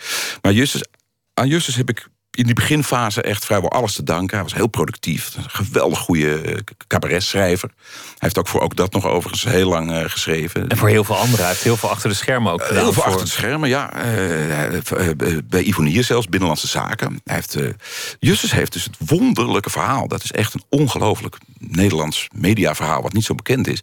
Justus schreef voor Binnenlandse Zaken... een snoeiharde sketch over kwakzalvers. In, in acht delen, uh, aromatherapie, aura lezen, uh, alles, homeopathie. En die werden allemaal uitgevoerd door Sylvia Millekam. Met grote overtuiging en grote kracht zette die het ene kruidenvrouwtje naar de andere Jomanda neer. Echt, uh, maar als actrice. En toen ze dus een aantal jaren later zelf aan de beurt was... bleek ze door persoonlijke problemen met haar vader... het is allemaal wel duidelijk waar dat vandaan kwam... maar toen was ze als een blad aan de boom om... en ging ze met die kwakzalvers mee... en is ze een gruwelijke dood gestorven. Omdat ze, dat ze alternatieve therapieën koos... die, die uiteindelijk ja, voor borstkanker. Niet, niet, niet werkten. Laten we een grote stap nemen. Je, je werd bekend met typetjes, imitaties. Hmm. Je, je, had er succes mee. De, de, de zalen zaten vol. Uh, televisie kwam erbij. Dan, dan, komt er ook nog een soort roem. En, en dat, dat gaat door. Je hebt een grote stap gezet, relatief recent, om, om solo te gaan. Je eigen ja. shows te gaan maken zonder iemand bij je. Alleen op het podium. Dat, dat is je heel goed afgegaan. Je wint de Polifinario. En ineens lijkt er toch een soort twijfel in te sluipen. Er, er lijkt wel een, een soort vertwijfeling in te sluipen van ja, en nu? Zeker. Ja, eerlijk gezegd, uh, als je over die, diezelfde twijfel dan gaat nadenken, dan uh, is dat ook wel weer te rationaliseren. Uh, je moet denk ik als artiest om de zoveel tijd, eh, moet je even bedenken waar sta ik, wat is dit voor tijd, wat ben ik aan het doen. In het begin ben je, heb je een soort honger. Je denkt, ik ga dit doen, misschien gaat het lukken. Dan ben je blij dat de zaal vol zit. Dan ben je ja. blij dat de zaal nog een keer vol zit. Dan, dan, dan doe je wat veranderingen en dat blijkt te werken. En dan kom je op een punt dat je ineens denkt... moet ik dit nog tien rondjes gaan doen? Tuurlijk. Maar eerlijk gezegd, ik ben met Diederik gestopt. De, toch echt wel op ons hoogtepunt. Dat was mijn voorstel. En uh, degene die daar het allermeest van geprofiteerd heeft... achteraf is Diederik zelf, want die heeft een compleet nieuw genre ontwikkeld en bedacht... waar hij waar die nu op zijn beurt zijn volle zalen mee trekt. Stand-up historian. En eh, ik ging vanaf dat moment met een band op stap. Nou, dat had ik ook nog nooit gedaan. Dat was voor mij eh, spannend en nieuw. En daarmee heb ik die prijs gewonnen. Toen heb ik die band eh, anderhalf jaar geleden de wacht aangezegd. Wat me persoonlijk pijn deed. Want het waren goede vrienden van me. Om het een keer helemaal alleen te proberen. Nou, daar, op dat punt ben ik nu. Ik had daarop getraind met die oudejaarsconferences. Toen stond ik al een, paar keer, een kwartier lang... alleen te oreren voor zo'n voor zo'n zaal. Alleen dan werd ik afgewisseld door eh, Van der Laan en Woe... en door Urgert en Van Deudekom. En door Mike en Thomas. Maar eh, nu ik helemaal in mijn eentje... twee uur lang non-stop eh, tegen een zaal aanpraat... en ze in een soort roes breng op goede avonden dat het lukt. En mensen echt na afloop zeggen... "Ah, godverdorie, eh, ben je nou al klaar? En dan heeft het volle twee uur geduurd. Zonder één noot muziek, zonder één theatraal effect. Eh, Eén keer klinken de trommels en één keer komen er wat ramen uit de, uit de nok en verder niks. Ja, dat is voor mij... eh, Ik heb met Koos Terpstra gewerkt, mijn nieuwe regisseur. Ik heb het afgelopen jaar meer geleerd over mezelf en over theater... dan in de tien jaar daarvoor. Dus voor mijzelf sta ik nu opeens voor een enorm uitzicht... voor een soort Grand Canyon van mogelijkheden. Want nu, ik- nu ik dit durf... Want dit durfde ik gewoon vijf jaar geleden nog niet. En je, verschuilt je ook, huppakee. je verschuilt je ook minder achter typetjes, achter imitaties. Zelfs helemaal eh, totaal niet meer. Je staat er als jezelf. In, in wezen met, met geen enkel ander wapen dan, dan je stem en je verhalen. Maar er zit, er zit toch een soort twijfel onder van... wat is nou het nut van mijn vak? Waarom doe ik dit? Wie wil ik eigenlijk zijn? Wat is die twijfel? Nou, die, die twijfel is, is, is niet zo vreselijk groot. In, in de oliewo ik worstel, in de olieworstelaar... met eigenlijk met, met vijf, zes grote onderwerpen van deze tijd en van mij. Namelijk, eh, bijvoorbeeld, wa- waarom heb ik zo ontzettend veel tijd in mijn leven aan sport besteed? Waarom, wat was mijn enthousiasme daarvoor en mijn liefde? En waarom ben ik daar nu zo verschrikkelijk cynisch over geworden? Nou, dat is een mooi groot onderwerp. Daar zou ik ook een hele avond over kunnen praten. Ik worstel 10, 12 minuten lang met Sinterklaas en Zwarte Piet. Het lijkt me duidelijk dat dat een onderwerp is. Ik worstel met de nagedachtenis van Theo van Gogh... en hoe moeten wij zijn optreden zien? Wat was dat voor jongen? Eh, ik worstel met de vraag, eh, ben ik acteur of ben ik cabaretier? Dat is vakkentechnisch. Nou, En die stop ik allemaal in dat ene verhaal. Maar mijn, mijn, eh, ik, eh, mijn positie als artiest en in de maatschappij... daar twijfel ik niet zo erg over. Want ik heb bijvoorbeeld helemaal geen ambitie of aanvechting om... ik noem maar eens wat, eh, via de politiek... eh, ook serieus me te mengen in dingen. Omdat ik echt heb besloten dat ik daar niet geschikt voor ben. Dus, dus jouw functie is gewoon de grap maken, de vinger daar leggen waar het pijn doet, misschien een ding omdraaien, je eigen mening geven, maar misschien ook gewoon vragen stellen. Ja. Een beschouwer. En goed acteren. En, en ieder project wat je doet, een beschouwer, zeker. Ik heb altijd. Ik weet nog eh, dat eh, toen bij mij op school werd een keer eh, een hele middag de Tweede Kamer nagespeeld. En ze hadden allemaal leerlingen hadden ze partijen laten doen. En die was links, die was rechts. Iedereen moest advocaat van de duivel spelen. En ik werd volkomen automatisch, zonder dat me iets gevraagd werd... toen was ik 15 of zo, werd ik in het, in het persbankje gezet. Want ik kon schrijven, dus ik was journalist. Dus ik, ik werd al buiten die partijen geplaatst om commentaar te leveren. Nou, op diezelfde school heb ik later cabaret gemaakt. Ik ben inderdaad een commentator, een beschouwer. Maar ik ben natuurlijk wel geëngageerd. En ik laat wel weten waar ik sta. En ik, ik heb mezelf laten verleiden om, om, om een keer ook echt actie te voeren. om- Omdat ik me echt ergens boos over maakte. De Olympische Spelen was ja. dat? Ja. En ik speel nu weer een rol in dat Zwarte Pieten debat. Dus da- daar deins ik niet meer voor terug. Want ik, ik vind op zichzelf discussiëren en, en de strijd aangaan... Dat, dat, dat vind ik eh, zeer nuttig. En eh, er zijn op zichzelf niet zo dol veel cabaretiers die dat graag doen. Want je kan natuurlijk streng in de leer zijn en zeggen... nee, ik maak grappen. Eh, en dan moet je niet precies weten waar ik sta. Want dan kan ik hè, de, de, de Wim Kan-doctrine... eh, je hoorde, kreeg nooit te horen wat, wat Wim Kan stemde. Nou ja, wat, wat vaak wel gebeurt met cabaretiers is dat als ze op een zeker ogenblik te zeer een standpunt aanhangen, dat het gewoon niet meer grappig is. Dat, dat ze staan te klopt. preken. Ja. Dat, is- dat is een risico voor, Maar dat voor mag- elke grappenmaker. Zeker, maar dat mag nooit in je programma. En eh, dat is ook niet zo heel veel voorgekomen. Freek wordt er wel van beschuldigd. Maar als je de programma's van Freek terugziet... dan gebeurt dat maar zeer zelden. Freekse programma's zijn altijd wonderen van fantasie en verbeeldingskracht. En eh, telkens weer rare grenzen verleggen tot op de dag van vandaag. Zijn image nu, wat eventjes door links en rechts... wat talkshow optredens is, is gevormd... dat het een, zure oude man over de hill is... is volkomen onterecht en er helemaal naast. En de kenners weten dat. En, een, en gelukkig een deel van zijn eigen publiek ook. Want als hij weer een show maakt, komen er wel degelijk gewoon 900 mensen kijken. Dus eh, wat dat betreft moet je wel heel erg uh, uh, argwanend zijn... jegens wat je zo in de, in de wandelgangen oppikt. Nou, ja, wat ik van Freek zijn, zijn laatste show vond, de laatste die ik zag, dat was uh, anderhalf jaar geleden, geloof ik, was dat hij heel kwetsbaar was op het podium. Enorm. Hele persoonlijke verhalen vertelde. Als je nou nog vertelde over de, de, de dood van zijn kinderen, ja. over uh, een, een kleinkind, over twijfels die in zijn relatie waren geslopen. Ja. En ik, ik had bewondering voor de moed die hij had om daar zo te staan en met alle statie die hij heeft, werkelijk in zijn hart te laten kijken mijn generatie, en ik ben inmiddels in, in het vak ook alweer een, een ervaren oude lul. Ik, heb, ik, ik, ik, trek 35 jaar lang door het hele land nu. Met, ik heb 20, 25 programma's gemaakt. En dus er zijn alweer nieuwe generaties. Nog de nieuwe generatie, nog mijn generatie... mag nog steeds de schoenveters van Freek de Jonge vastmaken. En dat is niet omdat ik hem adoreer... of omdat ik, ik, ik, ik, ik heb geen helden. Ik adoreer niemand. Maar ik constateer het gewoon dat als die man een programma maakt... hij is heel soms even uit de bocht gevlogen. Hij wilde destijds een keer elke week een programma maken. Nou, dat deed hij bijna expres om te laten zien... dat hij ook wel eens een slecht programma kan maken. Maar dan wel alleen omdat hij, het omdat hij er een week de tijd voor nam. Wat natuurlijk dat is absurd, ja. absurd is. Je, je doet minimaal een half jaar over een programma. En veel cabaretiers doen er twee jaar over om iets te maken. Dus maar dat probeert hij allemaal uit. Toen was hij inmiddels ook al 65 of zoiets toen hij dat deed. Dus Freek blijft een, een, een, bron van inspiratie. Maar dat geldt eerlijk gezegd ook voor iemand als Herman van Veen.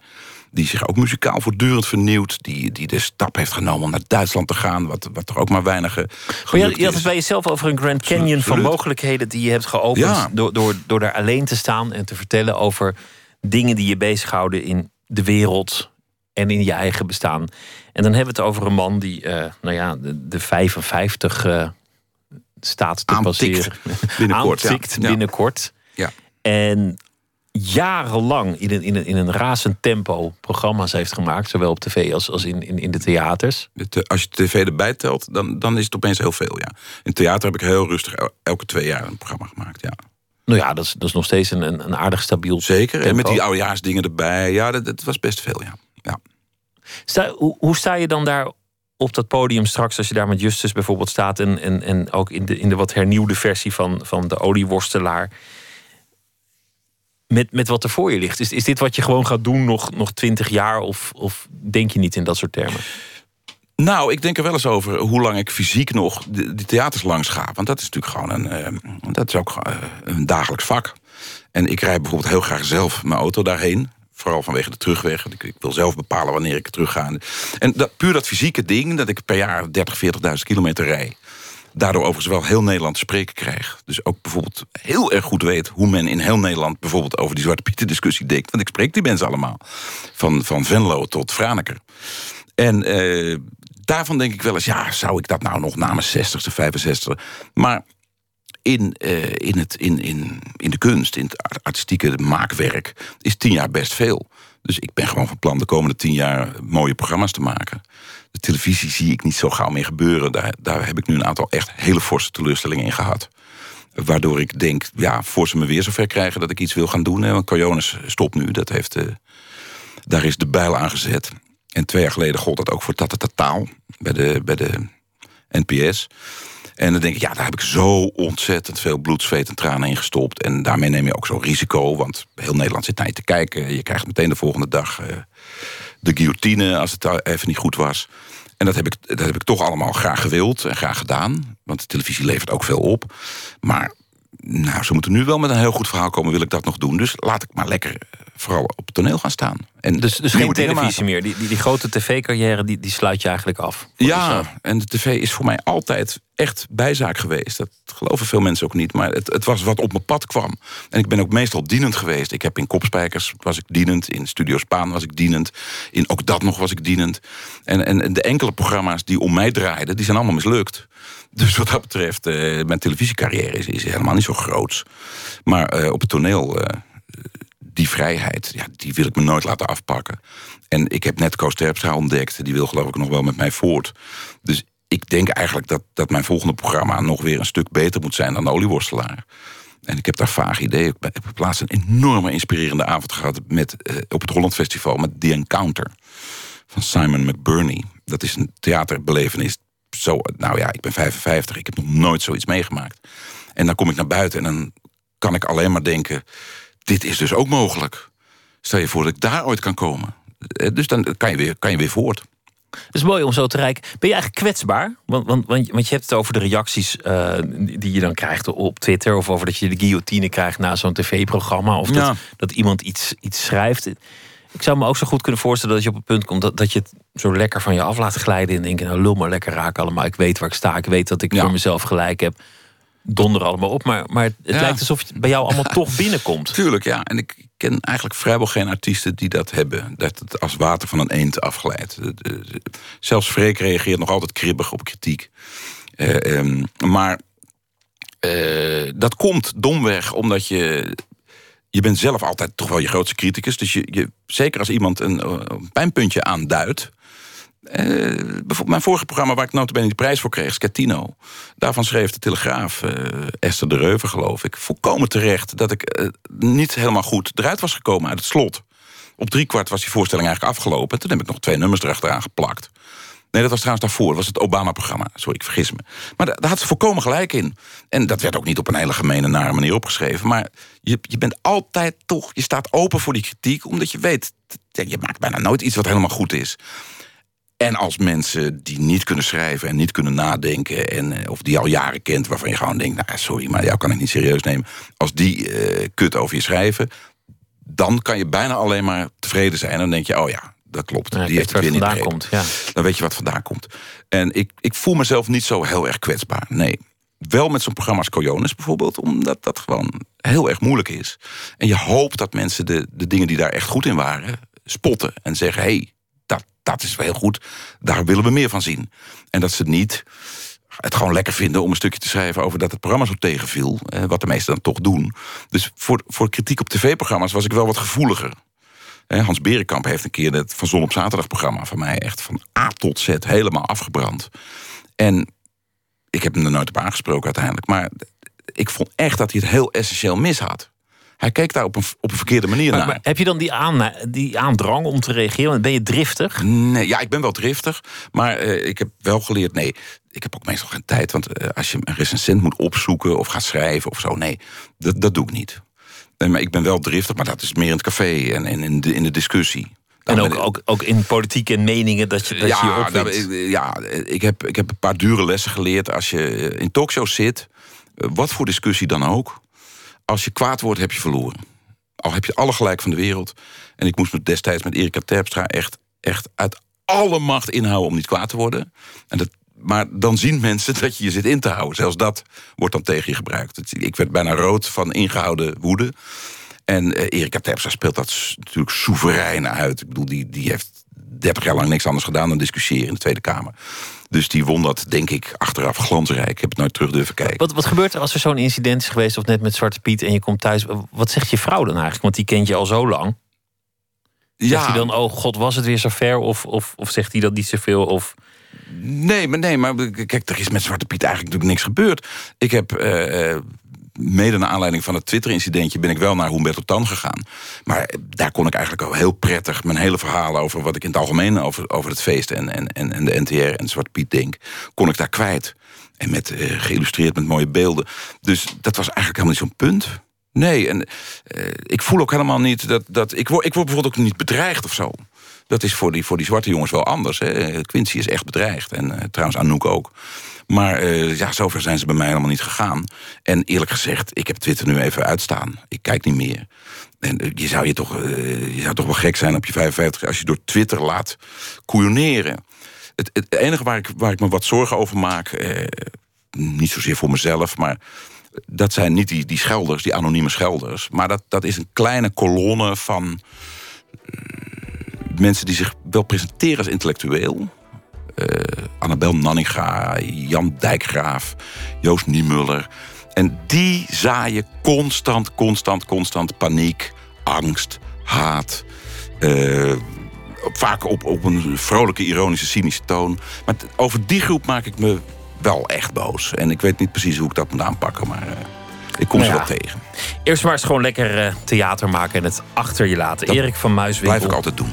Dank je wel op Radio 1. Het nieuws van alle kanten.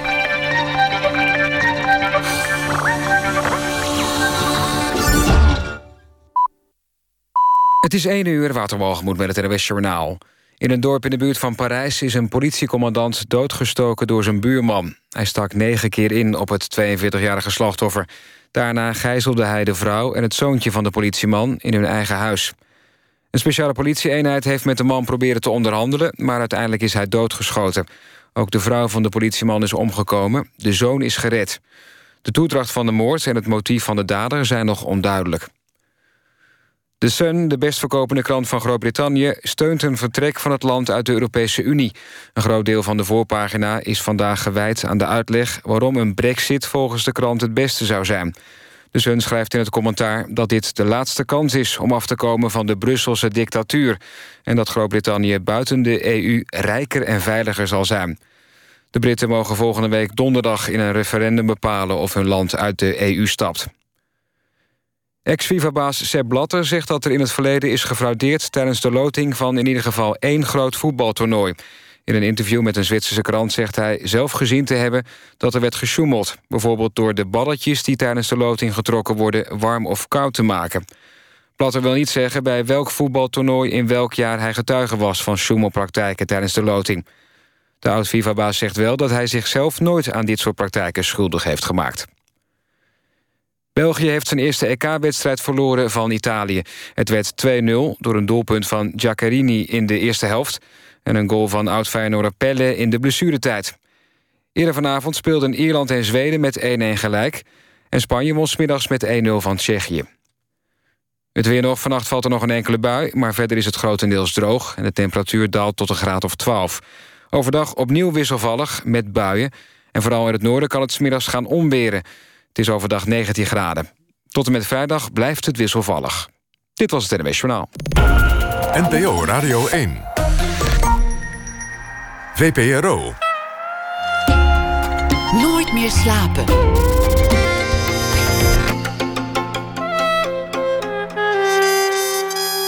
Met Pieter van der Wielen. Styx is sinds vorig jaar op het podium weer herenigd met Rico. De twee rappers zaten samen in de hip-hopformatie opgezwollen. Binnenkort is er een tournee en ook een verzamelbox. En straks een gesprek met hem. Beeldend eh, kunstenaar Joep van Lieshout komt langs naar aanleiding van zijn tentoonstelling Slave City. Te zien in de Pont in Tilburg. We beginnen met Gerard van Emmerik. Hij is schrijver en zal deze week elke nacht een verhaal maken over de voorbije dag. Zijn meest recente boek heet De Nieuwe Krats. Een roman over een stel dat hun zoon verliest en een pleegkind in huis neemt. Gerard, goeienacht. Goeienacht, Pieter. Vertel eens over de voorbije dag. Wat is je bijgebleven? Eh, nou, het was een heel enerverende dag, vond ik. Ik heb eh, urenlang het nieuws gevolgd en lang geaarzeld waar ik over zou moeten schrijven. Eh, het was natuurlijk dat Brexit en onthoofding op de Filipijnen, celstraffen, uh, naar aanleiding van die rel in Geldermalsen, Rutte, motorbendes, allemaal van dat grote nieuws. En, uh, En Orlando natuurlijk. de- Orlando, ja, daar ga ik het toch over hebben. Maar ik, ik- dat was ik eigenlijk niet van plan, omdat ik, ja, ik vind dat kleine opmerkelijke nieuwtjes eigenlijk veel, veel meer prikkelend en eh, inspirerend. Zoals, eh, er was iets eh, over een kippen die geloof ik ook onthoofd werden vanwege een ontvriending op Facebook. En dat soort berichten, dat, dat kan inspirerender zijn, vind ik, om een verhaal over te schrijven. Maar ja, dat Orlando, dat, dat, dat, dat liet ze gewoon niet negeren. Al was het maar omdat het mezelf ook met woede vervulde. Dus daar gaat mijn tekst over. Goed, ik ben benieuwd. Ga je gang. Oké, het is gevat in een kleine herinnering. Geweld in daad staat ver van me af. Erover fantaseren niet. Voor muizen die hopen op een permanente verblijfsvergunning in mijn keuken... zijn er geen gifkorrels, maar pindakaas. En een diervriendelijke val, zodat ze in het Westerpark verder kunnen knagen en doen. Maar als ik op zoek naar nieuws een Zeeuwse politica het plan hoor verdedigen... om de duinen te verwoesten met nog meer huisjes, rode en gele... heel verantwoorde, leuke, lieve eco-woningjes... En ze vertelt er natuurlijk niet bij over nieuw asfalt, lantaarnpalen, sproeiinstallaties, plezierjachtjes. Dan droom ik een seconde of wat over de dingen die haar zouden moeten overkomen. Ooit sloeg ik een pesterige buurjongen, Alfons Stoute, haast per ongeluk een stifttand uit de mond. Verder bezondigde ik me hoogstens aan kleine duw- en trekincidenten. Altijd reactief. Soms was daar niet eens de tijd voor. Geweld kan zich snel voltrekken. Aarhus, Denemarken. December 84. Een gay club. De naam is me ontschoten, iets voorspelbaars. De Duke of misschien La Moustache. In elk geval werd er fijne muziek gedraaid. En toen Nutbush City Limit startte... met dat felle gitaarriffje en een krijsende Tina Turner... schoten mijn vriend en ik de dansvloer op. On Highway number 19. The people keep the city clean. Misschien dansten we te uitbundig. We waren jong en wild en gay. En opeens was er gegil, getier... en werkte een brede man in een motorjack... Eerst mijn vriend tegen de grond... en vervolgens begon hij mijn toch al niet rechte neus te bewerken met zijn vuist. Warm, stromend bloed. Overal. Daarna kantelde de vloer en zag ik sterretjes. Een heleboel. Die uitdrukking sterretjes zien, die klopt. De dag erna op een politiebureau mochten wij verklaren of het pokdalige wezen dat ons van achter een glazen wand angstig aankeek, de man van die sterretjes was. Het was hem. We knikten, we ondertekenden. Hij kreeg twee weken. Tot zover het verhaal over het eh, incident dat jij meemaakte in, eh in Aarhus. En dat zich. eh, ja, dat, dat nog jou... geen types met semi-automatische machinegeweren. Nee, nog niet. Het, het, leek, het lijkt zo onschuldig. Ja, je zag sterretjes, maar het was nog zo Ja. onschuldig vergeleken met wat Ja, er, Zeker. wat, wat er vannacht is gebeurd in, in, in Orlando. Ja, een tragische, nare, vervelende gebeurtenis. En kan me wel voorstellen waarom je moest denken aan eh, wat er in Aarhus was gebeurd. Ja. Gerard, dankjewel. Goeie nacht. En eh, heel graag ook. weer eh, tot morgen. Ja, tot morgen, Pieter. Een nieuw album van de blanke Amerikaanse soulzanger Ellie Paperboy. Read My Way Home heet het album waarvan we draaien Move In.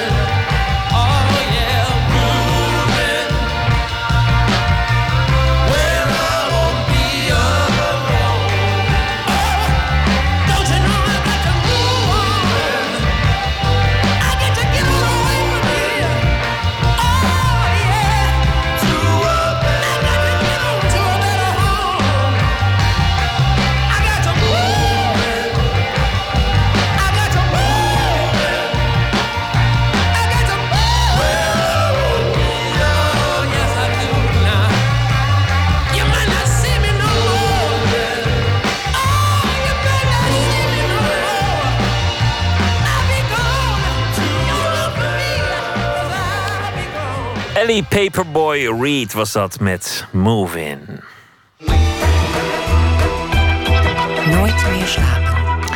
Het begon op Lowlands, daarna een clubtour, de Heineken Music Hall, het eind van het jaar de Ziggo Dome, de reunie van Styx en Rico. De twee rappers vormden samen met producer Delik het trio van de inmiddels terciele hiphopformatie Opgezwollen.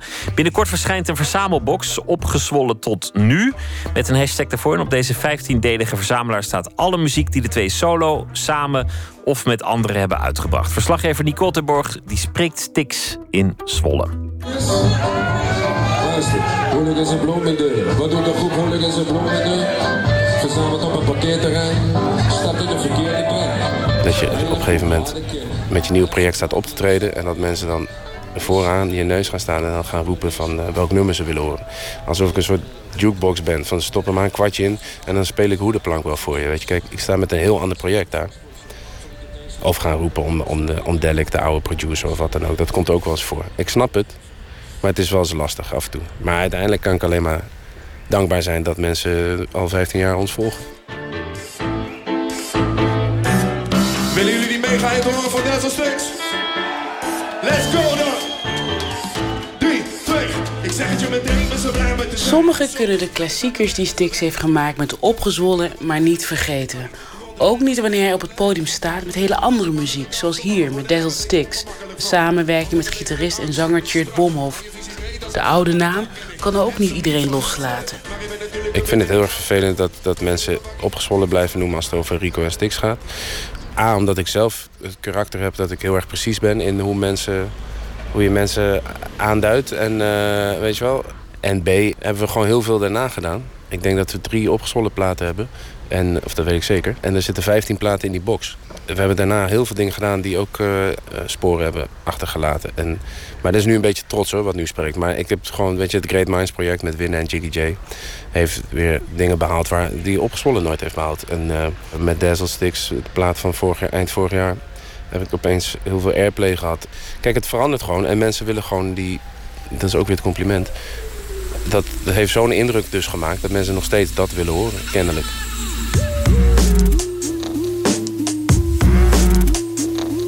In november 2007 gaat het trio opgezwollen uit elkaar. Er is weinig contact met beatmaker Delic, maar Stix en Rico blijven af en toe samen muziek maken. Bijvoorbeeld op elkaars soloplaten. Zie ik heb brigadiers. Ze verspreiden mijn schijven over de stad als yeah. pizzacouriers. Ik zet rappers op pauze als ze het. Vervolgens rennen ze weg. Ik persoonlijk kan niet tevreden zijn met altijd maar dezelfde plaat maken met dezelfde content. Wat moet ik... Dan zie ik er echt uit als een idioot. Als ik nu nog steeds over jointjes en uitslapen en, uh, en feesten en dat soort dingen zoals in het begin. En je stad representen en dat soort dingen. Al die, die topics, die vind ik niet meer interessant.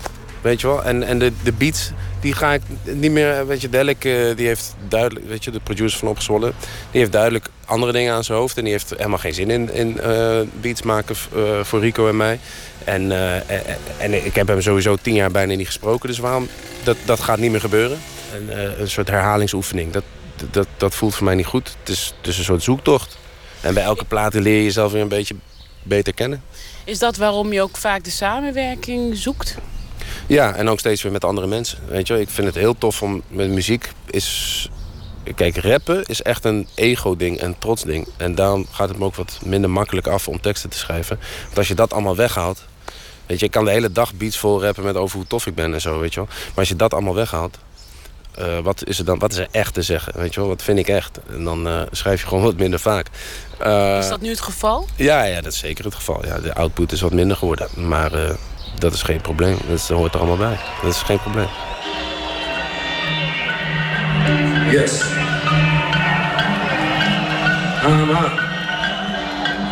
En uh, dus ik stapte het podium op en dacht van, nou, we zijn er. En de mensen gingen van meet af aan zo ontzettend enthousiast uh, deden ze mee.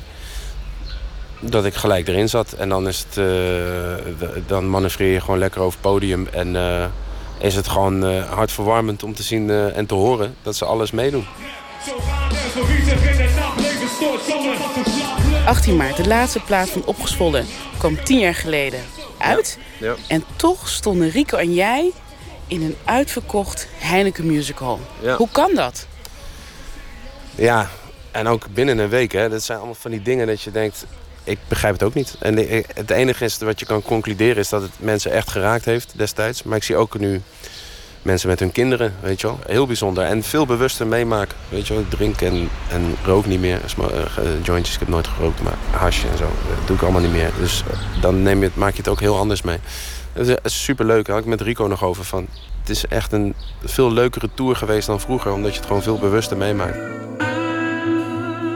Hier is alles flex, zo gezegd, we zijn vrij relaxed. Zo relaxed dat ik alles met een echootje zeg. Geen tijdsbesef of een ijzerpakket. Nou kennen alsjeblieft, kick it. Truitcode quest en I left my wallet in El Segundo.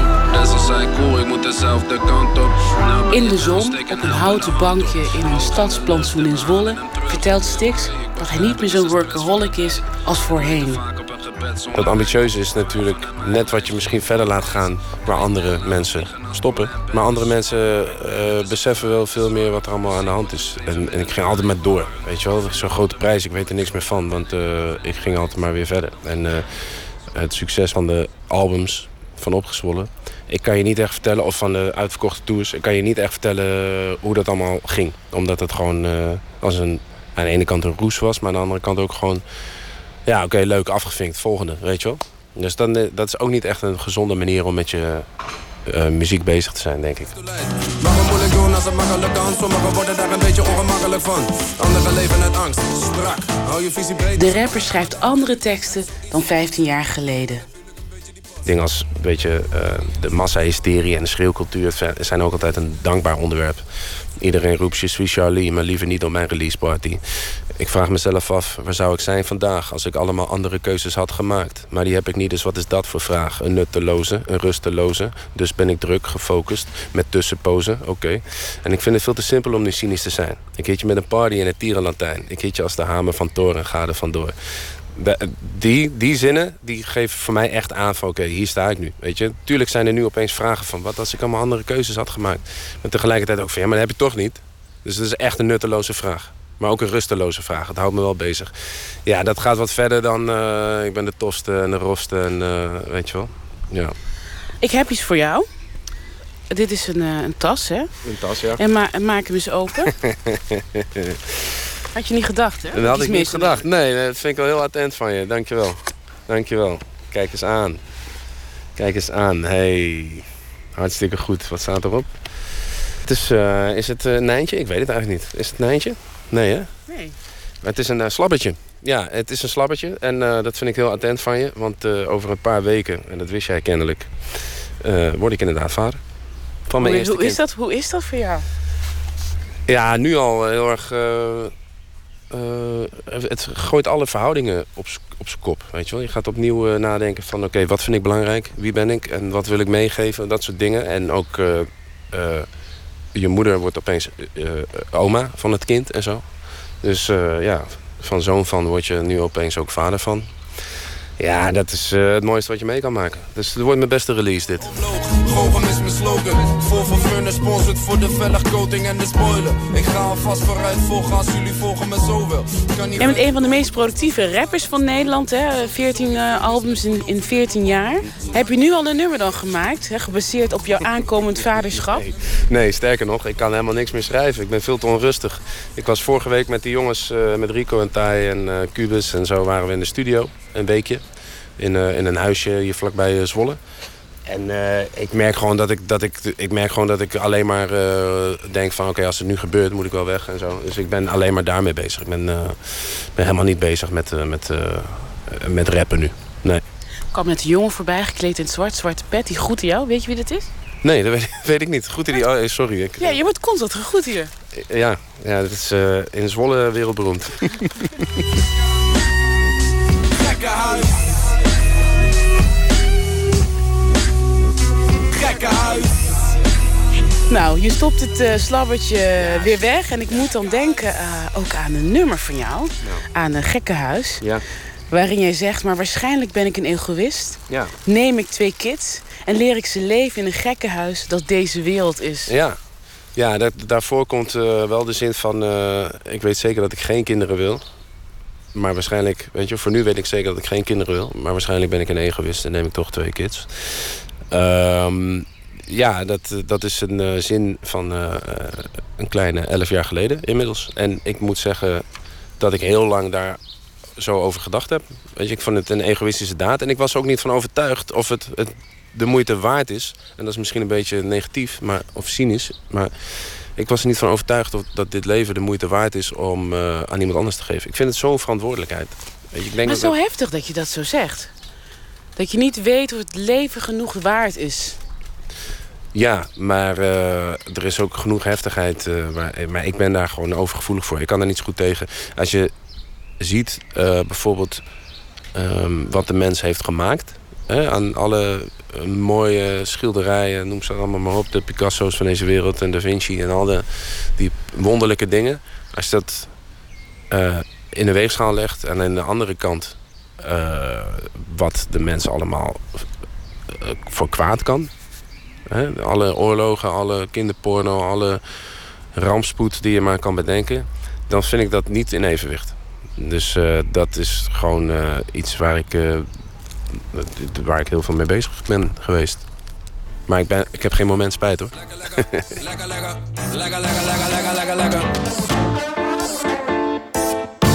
En dat is ook wat waard.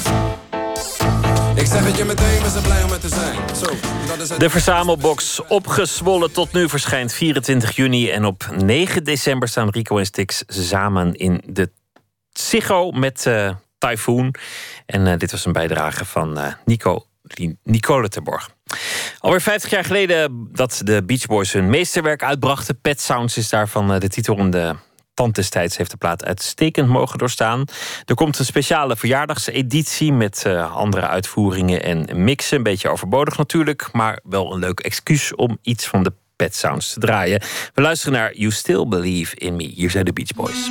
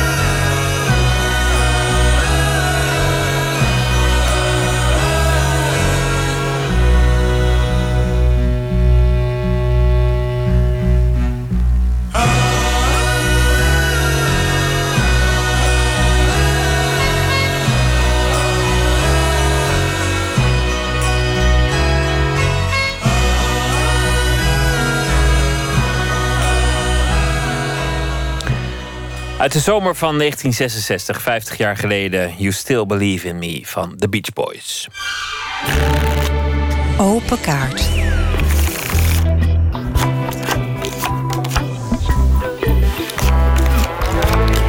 150 vragen op elke kaart staat een vraag. En de willekeur regeert. De gast trekt zelf zijn vragen. Dat is eh, deze keer eh, Joep van Lieshout, internationaal befaamd kunstenaar. Hij is de gast vanwege het project Slave City. Daar is hij al met, eh, mee bezig sinds 2006. Maar dit jaar is het Jeroen Bosjaar in Brabant. En omdat Jeroen Bos graag bezig was met de onderwereld en met andere duistere fantasiewerelden past dit project zo goed.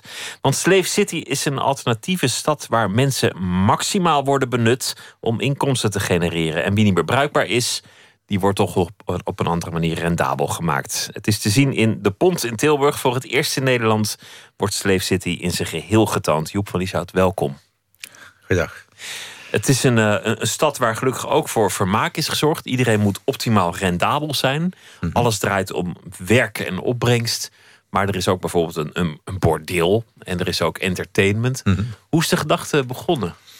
Eh, de gedachte is begonnen om zeg maar, een, een super rationele stad te maken. Dus eigenlijk, hè, maar eigenlijk onze wereld wordt steeds rationeler. Toen dacht ik van nou, ik ga het nog een beetje overdrijven om te zien waar dat dan uitkomt.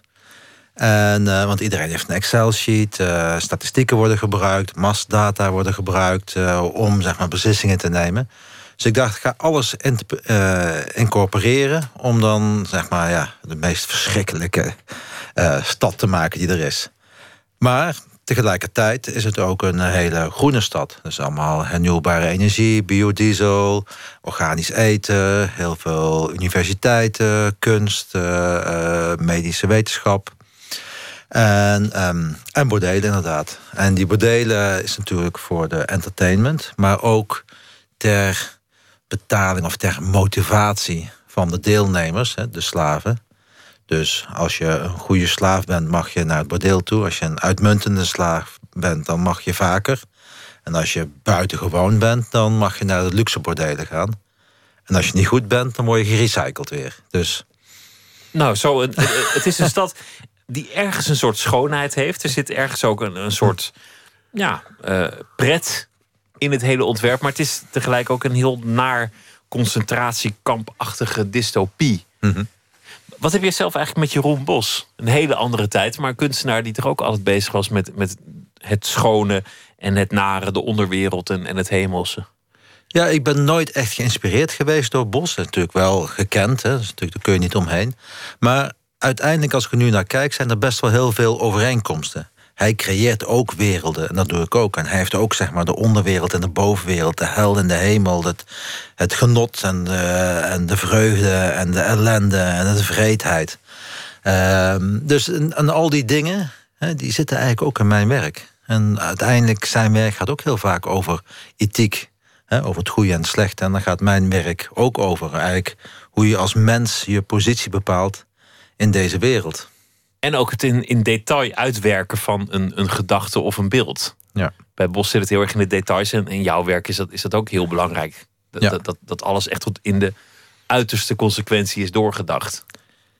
Ja, ja, de, eh, ja, mijn wereld is een beetje op de ware schaal. Hè. Dus dat van Jeroen Bos, dat is dan... eh, een drieluik, ja. ja, vierkante meter of zoiets. En eh, bij mij praten we toch op, nou ja, toch wel vele duizenden vierkante meters oppervlakte. Ja. Het, het werkt ook echt. Laten we beginnen met eh, de kaart. Ik wil je vragen om een kaart te trekken en de vraag voor te lezen. Wat weet je nu dat je liever eerder had geweten? Ja. Tja. Nou, weet ik eigenlijk niet. Ik vind het juist ontzettend leuk om eh, te laten verrassen. Om juist eh, problemen tegen te komen. Juist uitdagingen tegen te komen. Dus als ik zou weten wat er zou komen... Ja, dan weet ik niet. Dus ik vind... Maar, maar soms heb je voortschrijdend inzicht waarvan je denkt... had ik dat nou maar eerder geweten, dat had me een hoop glazer bespaard. eh, tja... Ja, dan... eh God, geen idee, joh. Ehm, Geen idee. Nou ja, oké. Nergens spijt van, dus laten we nog geen proberen. Jezus, weer zo'n vraag. Wie ga je uit de weg? Ja, niemand. Niemand uit de weg? Nee. Zijn er Allemaal- geen mensen waarvan ik denk, oh god, heb je hem, ik, hoop dat ik die niet meer tegenkom? Ja, van die eh, slijmers en eh, eh, mensen die eh, kwijlers. Slijmers, kwijlers. Langzaam. eh, eh, ja, daar, ik, eh, mensen, ik heb geen geduld. Dus mensen die geduld vragen, die ga ik uit de weg. Je moet gewoon door. Je denkt gewoon van, oh ja, dit, dit kost me tijd, dit levert me niks op, wegwezen hier. Ja, zoiets. Ja. Ik ben eigenlijk heel gepassioneerd en ik wil ergens heen. Dus ik ben aan het, echt aan het, ja, aan het, aan het rennen, aan het ploegen naar, naar het onbekende, naar het iets. En daar word ik niet graag bij opgehouden. Ja. Dat begrijp ik. Neem nog een kaart. Wanneer begon je jezelf serieus te nemen? Ik denk eh, rond een jaar of tien. Toen eh, kreeg ik een chemiedoos. En toen was ik ontzettend geobsedeerd door eh, wetenschap, door natuurkunde, scheikunde, biologie. En toen dacht ik van, nou, dat is echt iets wat ik wil gaan doen. En daar ben ik heel serieus onderzoek naar gaan doen. Echt tijdschriften gelezen en boeken gelezen die eigenlijk veel te, waar ik veel te jong voor was. Ehm, experiment gedaan, zelf nog een boek geschreven over eh, het meten van zuurstofgehalte in water en dat soort dingen. En ehm, dus die, die wetenschap, hè, die, dat is altijd mijn tweede passie geweest. En het is eigenlijk nu zo dat het weer heel erg terugkomt. Want ik was toen de tijd ook heel erg geïnteresseerd in kernenergie. En daar ben ik eigenlijk nog steeds. En een van de grote projecten die ik in de komende jaren ga doen... is dat ik mijn eigen kernenergiecentrale ga bouwen. Als kunstproject? Nou ja, hij moet wel doen natuurlijk. Maar eh, ja. Dat is toch niet eenvoudig, een kerncentrale aan het werk het, is, krijgen? het is hartstikke moeilijk en ook heel duur. Maar eh, eh, ja, ik vind het toch een, een uitdaging om daarmee bezig te zijn. En dat gaat natuurlijk niet... Het gaat, waar het eigenlijk om gaat natuurlijk met dat werk, hè, met dat kunstwerk... is dat ik een moeilijk probleem wil oplossen. Maar tegelijkertijd ook een discussie wil starten... over, eh, over ecologie, over onze wereld, over eh, eh, de, de, de natuur... En ehm, de toekomst. Dus en daarom ben ik aan het kijken, ja, wat doen we nou met die kernenergie? We gaan, we gaan natuurlijk zonne-energie en windenergie, dat is super belangrijk. Dat moet de hoofdmoot zijn. Maar daarnaast denk ik van ja, misschien moeten we toch een stukje verder kijken dan onze neus lang is. En heel vaak zie ik in, ehm, in de ecologie, is het he- vaak heel ja, een soort romantiek, hè, een schijnromantiek naar dat wat groen is. Hè? Dus eh, ja, eh, eigen groente kweken, worsten maken zelf. En terwijl ik denk van ja, ik zou toch graag een, een groter, veel groter willen zien. Eh, dus eigenlijk ecologie bekijken op een hele modernistische manier. Die, ehm, die, ehm, eh, ja, die, die, die, die, die verder gaat dan ja, de schijn van de dag. Als je het hebt over jezelf serieus nemen, is, dat, is het voor een kunstenaar natuurlijk ook op een manier. Je hebt een, een gedachte, die is, die is eh, heel snel gekomen, wellicht een, een geïnspireerd moment. Maar vervolgens moet er ontzettend veel gebeuren voordat het daadwerkelijk ergens staat en geëxposeerd wordt en voor het er is. En in die zin lijkt het me ook ingewikkeld om jezelf serieus te nemen. Dat je denkt, oké, deze gedachte is echt de moeite waard van al dat werk dat nu gaat komen. Het is, het is echt goed. Het is niet zomaar een, een, een bevlieging. Dit wordt echt gaaf als het er eenmaal is. Wanneer, wanneer ben je dat gaan doen? Dat je echt dacht, dit is, dit is de moeite waard. Ook al wordt het groot, ook al klinkt het absurd. We gaan het doen. Nou, in het begin van mijn carrière als beeldhouwer dus, eh, ging ik, eh, een gegeven moment ging ik tafels maken en bergmeubels. Beetje IKEA-achtig, heel strak, heel simpel. In oplagen, in verschillende kleuren. En daarmee eh, zet ik eigenlijk de hele, alles wat over kunst eh, als waar werd aangenomen, werd op losse schroeven gezet. Hè? Want dan ging ik een oplage maken, kunst uniek, functioneel maken, hoort er ook niet bij. En het was nog niet eens, het kon door iedereen gemaakt worden. En iemand zei toen tegen mij van... Nou Joep, ik vind je hartstikke goede kunstenaar... maar dit is gewoon echt een doodlopende weg. Hier, hier, hier kun je niet mee verder. Dit is gewoon, en hier moet je mee stoppen. Vergeet het nou maar. En ik dacht van, nou, dat geloof ik helemaal niet. Dus dan ging ik eigenlijk nog harder... en nog meer meubels maken en nog extremer. En, eh, en dat was ontzettend succesvol. En daarmee heb ik eigenlijk eh, ja, de eerste grote stap in mijn carrière gezet. En toen dacht ik, ja, verrek, zie je nou wel... Mijn intuïtie, mijn gevoel, hè, mijn instincten, die leiden mij de weg. En dat, die moet ik eigenlijk blijven volgen. En naarmate ik dat vaker ging doen, kwam ik ook achter dat het dus ja, steeds vaker uitkwam.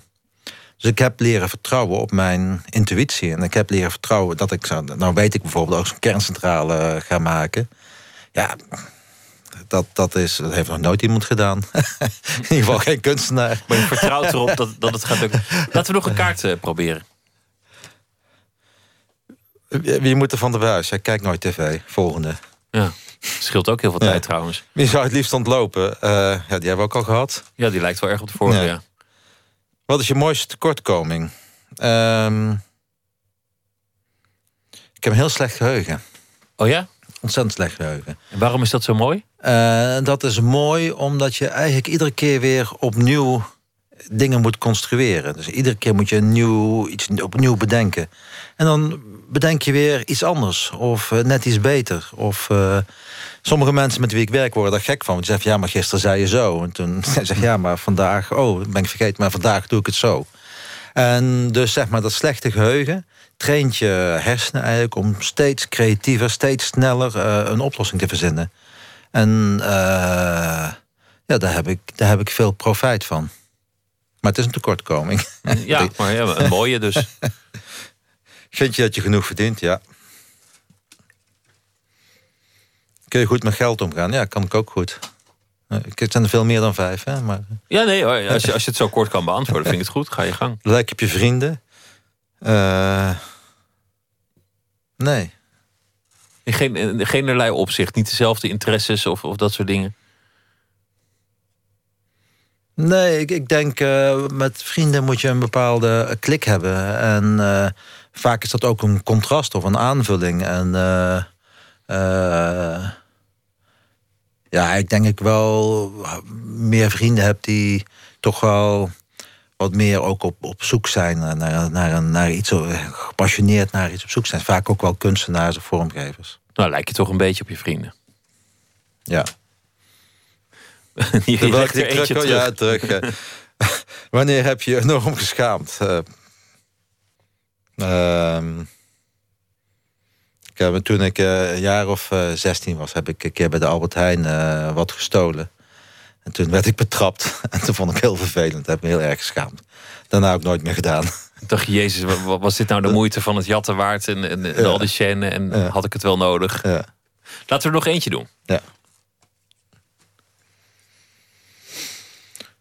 Wie zou je graag willen ontmoeten? Hmm.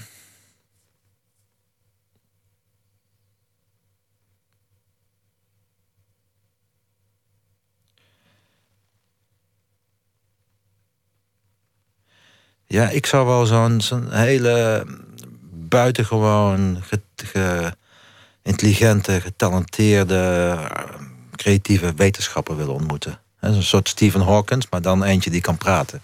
Of tenminste waar je mee makkelijk kan communiceren. Ja. Dus dat, zeg maar, zo, zoiets, hè, zo, dat, dat lijkt me fantastisch om dan eigenlijk met een soort ehm, open vizier eh, met zo iemand te praten en te kijken waar dat nou op uitkomt. Er zijn er velen, ook in Nederland, die, die heel Ja. benaderbaar zijn. Dat zeker, ja. ja. Zo Robert Dijkgraaf, die kun je gewoon bellen. Die, vind- die vindt het nog leuk ook, denk ik.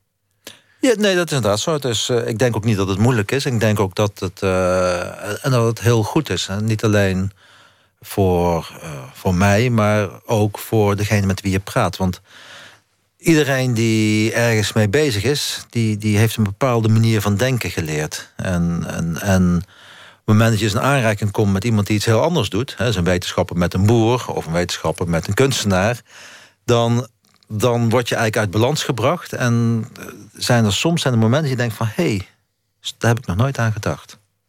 Het zijn vaak hele interessante ontmoetingen tussen kunstenaars en wetenschappers. Die kunnen elkaar erg, erg veel bieden. Ik denk dat jij in dit geval op zoek bent naar een kernwetenschapper die iets over kerncentrales kan vertellen. Maar, maar die zijn vaak erg terughoudend met het delen van hun geheimen. Het is ontzettend moeilijk. Ik dacht, eh, ik ga even wat research doen op het internet. En ja, dan kom je een paar oppervlakkige tekeningen en theorieën tegen. Maar hoe het nou precies werkt, ja, daar kom je dus niet achter. En het is ook heel goed geheim gehouden, want anders hadden die Iraniërs natuurlijk al lang een eh, eigen kerncentrale gehad. Dus het is echt heel erg moeilijk. En, eh, maar ik denk niet dat het onmogelijk is. Misschien moet je ook. Eh, ja, Nederland is ook niet zoveel technologie. Hè? Dan kun je beter naar Frankrijk gaan. Dan stikt het van de kerncentrales. Welke straat ook heen, zo een beetje. Nou ja, wat je ook doet, doe, doe het voorzichtig met die kernenergie. Ik wens je heel veel succes. En in de Pont in Tilburg is nu uh, Slave City uh, te zien in het geheel. Joep van Lieshout, dankjewel. Alsjeblieft. Een van de meest onwaarschijnlijke hits van dit moment is van de Australische electro-soul zanger Rai X. Komt van het eerste album Dawn en de titel is Deliverance.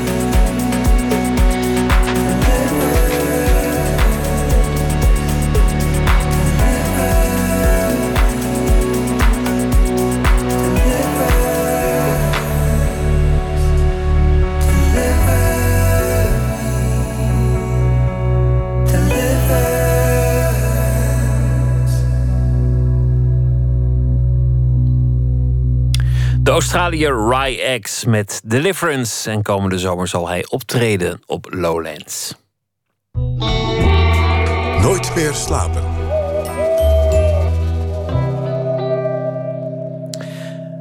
Het gemeentemuseum en het fotomuseum in Den Haag gaan van gebouw ruilen, meldde de Volkskrant vanochtend. Dat betekent dat fotografie meer dan twee keer zoveel ruimte krijgt. Dan eh, het nu heeft. Wat dat dan weer zegt over de fotografie in Nederland... dat heeft onze Botte Jellema, uh, nachtcorrespondent, nu uitgezocht. Botte, eerst even, betekent het ook dat het gemeentemuseum... dan de helft kleiner wordt? Ja, zou je zeggen, zo stond het ook in de Volkskrant. Maar eh, de voorlichting van het gemeentemuseum die ik even gebeld heb... die benadrukte dat zij er toch echt anders over denken. Want ze gebruiken ook, zo zeiden ze, het Berlagegebouw voor exposities. Dat is ook een flink aantal vierkante meters. En dan in het centrum van Den Haag. Niettemin voor de bekende gebouwen aan de uh, Stadhouderslaan... die twee gebouwen, het Fotomuseum en het gemeentemuseum... die staan naast elkaar. Uh, daarvoor betekent het wel een vrij grote verandering. Want uh, ze gaan in het najaar ook verbouwen om het allemaal voor elkaar te krijgen. Waarom zouden ze dat willen van gebouwruilen? Ja, er zijn een paar redenen voor. Het gaat vrij goed met fotografiemusea in Nederland. Fotografie-exposities doen het heel goed. Daar komen we straks nog eventjes op terug. Um, ik heb eerst eventjes uitleg gevraagd aan Wim van Sinderen. Dat is de curator van het Fotomuseum in Den Haag. Hij vertelde mij vanmiddag dat er op dit moment veel interessant internationaal aanbod is van foto-exposities. En hij vindt dat die moet worden getoond, zeker in Nederland. Fotografie is heel erg levendig, vooral in, in, Nederland. Nederland wordt ook internationaal gezien als een zeer uh, vruchtbaar land voor de fotografie. We hebben een geweldige infrastructuur met vier musea, tien kunstacademies, uh, wetenschappers, uh, galeries, gaan ze maar door. En, en vergeet natuurlijk het belangrijkste, veel goede fotografen. Ja, en daarom wil hij uh, het publiek ook meer aanbieden. Ik heb ook even gebeld met uh, Marieke Wiegels. Zij is het uh, hoofd presentaties bij het Nederlands Fotomuseum. Dat is het Fotomuseum in Rotterdam. En ik vroeg haar om te beginnen of ze niet bang is voor meer concurrentie... nu het Fotomuseum in Den Haag zo gaat uitbreiden. Nou ja, het is natuurlijk wel zo dat er veel wordt geprogrammeerd op dit moment op fotografiegebied. Maar in die zin heeft ieder museum in Nederland, fotografiemuseum, wel zijn eigen profiel. En dat is denk ik, uh, in die zin zijn wij niet bang voor de concurrentie. Ja, het Nederlands Fotomuseum, waar zij van is, dat heeft bijvoorbeeld een hele uh, grote eigen uh, collectie met erfgoed, fotografie, erfgoed, 5 miljoen foto's en objecten. En ook het Amsterdamse Fotomuseum, het FOAM en het Huis van Marseille, ook in Amsterdam, hebben ook een hele eigen identiteit en eigen keuzes in wat voor foto's ze laten zien. Ze werken goed met elkaar samen en zien elkaar als collega's. En zo zegt Marieke Wiegels, hoe meer aandacht voor fotografie, hoe beter.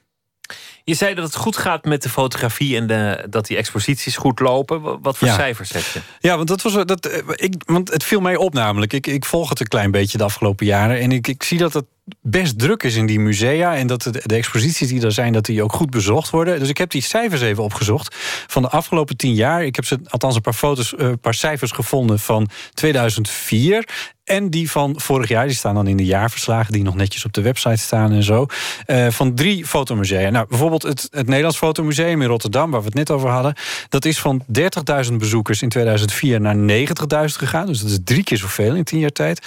Het FOAM in Amsterdam is van 69.000 naar meer dan 200.000 gegaan. Dus dat is, nou... Drie, wat is het? Ja, ja, drie, meer, dan, drie. meer dan drie, ja. Drie keer zoveel. Het Fotomuseum in Den Haag is van 45.000 naar ruim 100.000 gegaan. Dus dat is meer dan twee keer zoveel bezoekers in tien jaar tijd. Dat zijn er dus echt heel erg veel. Het is een opvallende trend in de museumwereld ook. Want over alle musea, dus zeg maar de gemiddelde bezoekersgetallen... die zijn met niet meer dan de helft toegenomen. Dus dat zijn lang niet zoveel.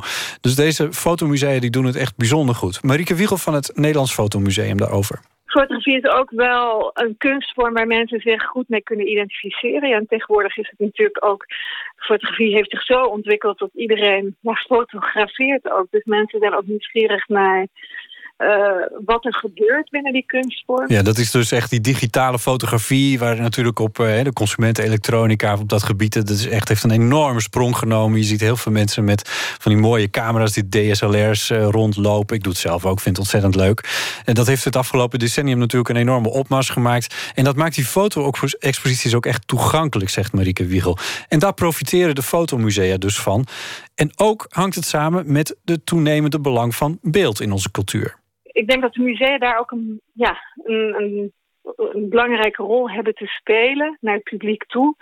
Zodat iedereen zich bewust wordt van het feit van wat doet beeld met mij? Wat, hoe kan ik het interpreteren? Waar komt het vandaan? En nou ja, dat, eigenlijk dat soort vraagstukken. Een belangrijke rol voor die musea, maar eh, het gaat dus ook echt over populariteit. Betekent dat dan ook dat we ons zorgen moeten maken over die andere kant? Met hoe het staat met de hedendaagse beeldende kunst in een museum? Ja, dat is, dat is een goede vraag. Volgens het gemeentemuseum in Den Haag niet. Want eh, zij zeggen dat zij in eh, dat kleinere gebouw betere exposities kunnen maken. Met bijvoorbeeld werk van jonge kunstenaars die niet dat hele grote gebouw kunnen vullen met, eh, met hun werk. Ja, Wim van Sinderen, die kon ik naar vragen, die zei dat het zo een completer museum wordt. Hij verheugt zich al op de eerste expositie in ieder geval. Het idee is wel eh, eh, dat we drie tot eh, zelfs al vijf tentoonstellingen in het fotomuseum tegelijk kunnen maken. En we gaan open met een overzicht van de Zwitserse fotograaf, Magnum-fotograaf Werner Bischoff. Hij heeft in Nederland gefotografeerd vlak na de oorlog, in juli, augustus eh, 1945. En die foto's zijn nog nooit getoond. Dus we maken bij dat overzicht van Werner Bischoff ook nog een soort Nederlandse afdeling. Ja, en Wim van Sinderen van het Fotomuseum was dat die ook nog zei tegen mij dat er zo ook ruimte is voor foto's uit de eigen collectie van het Fotomuseum in Den Haag. En ja, als je toch in dat Fotomuseum bent, het is echt, het is eh, nou, te- 100, nog geen 100 meter lopen en dan ben je bij dat andere gebouw. Het staat er letterlijk naast. Dus dan kun je zo ook naar die hedendaagse kunst als je dat zou willen. Ja, en daar was eh, vorig jaar ook een fototentoonstelling het grote succes, namelijk Anton Corbijn. Corbijn. Nou, een voorbeeld van zo'n van zo'n foto-expositie die dus echt heel erg goed geslaagd is. 217.000 bezoekers en verlengd met iets van, wat was het, anderhalve maand extra aan tijd om daar alle mensen te kunnen verstouwen, zal ik maar zeggen. Dus dat tekent al hoe eh, populair zoiets is. En in 2019 komt er dan een grote overzichtstentoonstelling van Erwin Olaf. Dat wordt ook zo'n eh, blockbuster. Ongetwijfeld, ja. Botte Jellema, dankjewel. Graag gedaan. Een van de leukste hits van eh, vorig jaar van de Australische band Tame Impala. Cause I'm a Man.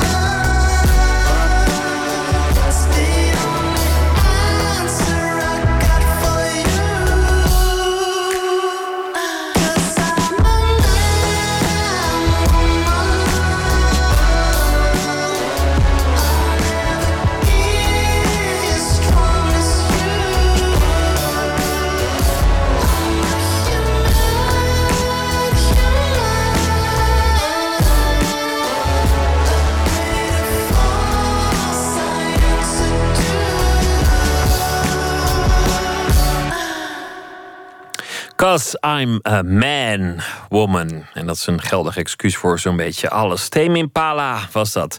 Saskia Stehauer heeft voor u vijf gedichten uitgekozen. Dat zal ze deze week eh, althans doen. En elke nacht zal ze er eentje voordragen. In 2014 publiceerde ze haar debuut, Wachtkamers.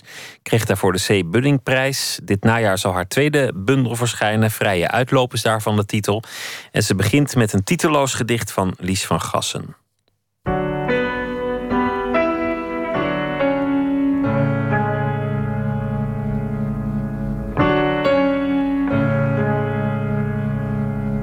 In mijn handen heb ik het boek Zand op een zeebed van Lies van Gassen, een Vlaamse dichter en beeldend kunstenaar. Dit is geen gewone dichtbundel, maar een zogenaamd graphic poem, wat ik zelf zou vertalen als een soort tekendicht.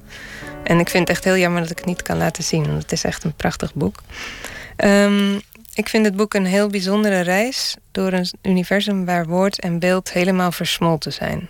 Ze tekent en schrijft, alles gaat door elkaar en het is gewoon heel mooi, kloppend geheel geworden. En het gedicht dat ik lees komt in een aantal varianten terug. Als alles kan, zullen wij als helften uit elkaar vallen. De huid perfect voor deze wonden. We staan als vissen in het woud, leggen appelen op onze handen, het zand spoelt. We bewaren onze woorden voor een beter leven, leggen het hoofd op elkaars schouders. Wij zijn net zo scherp en telbaar als de vissen in ons hoofd, kraken als de gewrichten van een hand. Geen einder kan ons vinden, er is geen tij voor onze weg. Saskia Stehauer was dat met een titeloos gedicht van Lies van Gassen. Morgen in Nooit meer slapen komt eh, Lisbeth List langs, de grande dame van het Nederlands chanson. De aanleiding dat ze langskomt is het Ramses Shaffi-huis dat geopend zal worden in Amsterdam. Een woonzorgcentrum voor oudere en jongere kunstenaars. En het is uh, een hommage aan Ramses Shaffi dat het naar hem is genoemd. De ontmoeting tussen Lisbeth List en Ramses Shaffi in 1962 schreef muziekgeschiedenis en veranderde veel in het leven van beiden. En ook in het uh, leven van Lisbeth List, die morgen komt vertellen over uh, haar werk, haar leven en over Ramses Shaffi en het Ramses Shaffi huis. Wens ik u voor nu een hele goede nacht en morgen een mooie dag. En ik hoop dat u morgen weer zult luisteren. Goeienacht.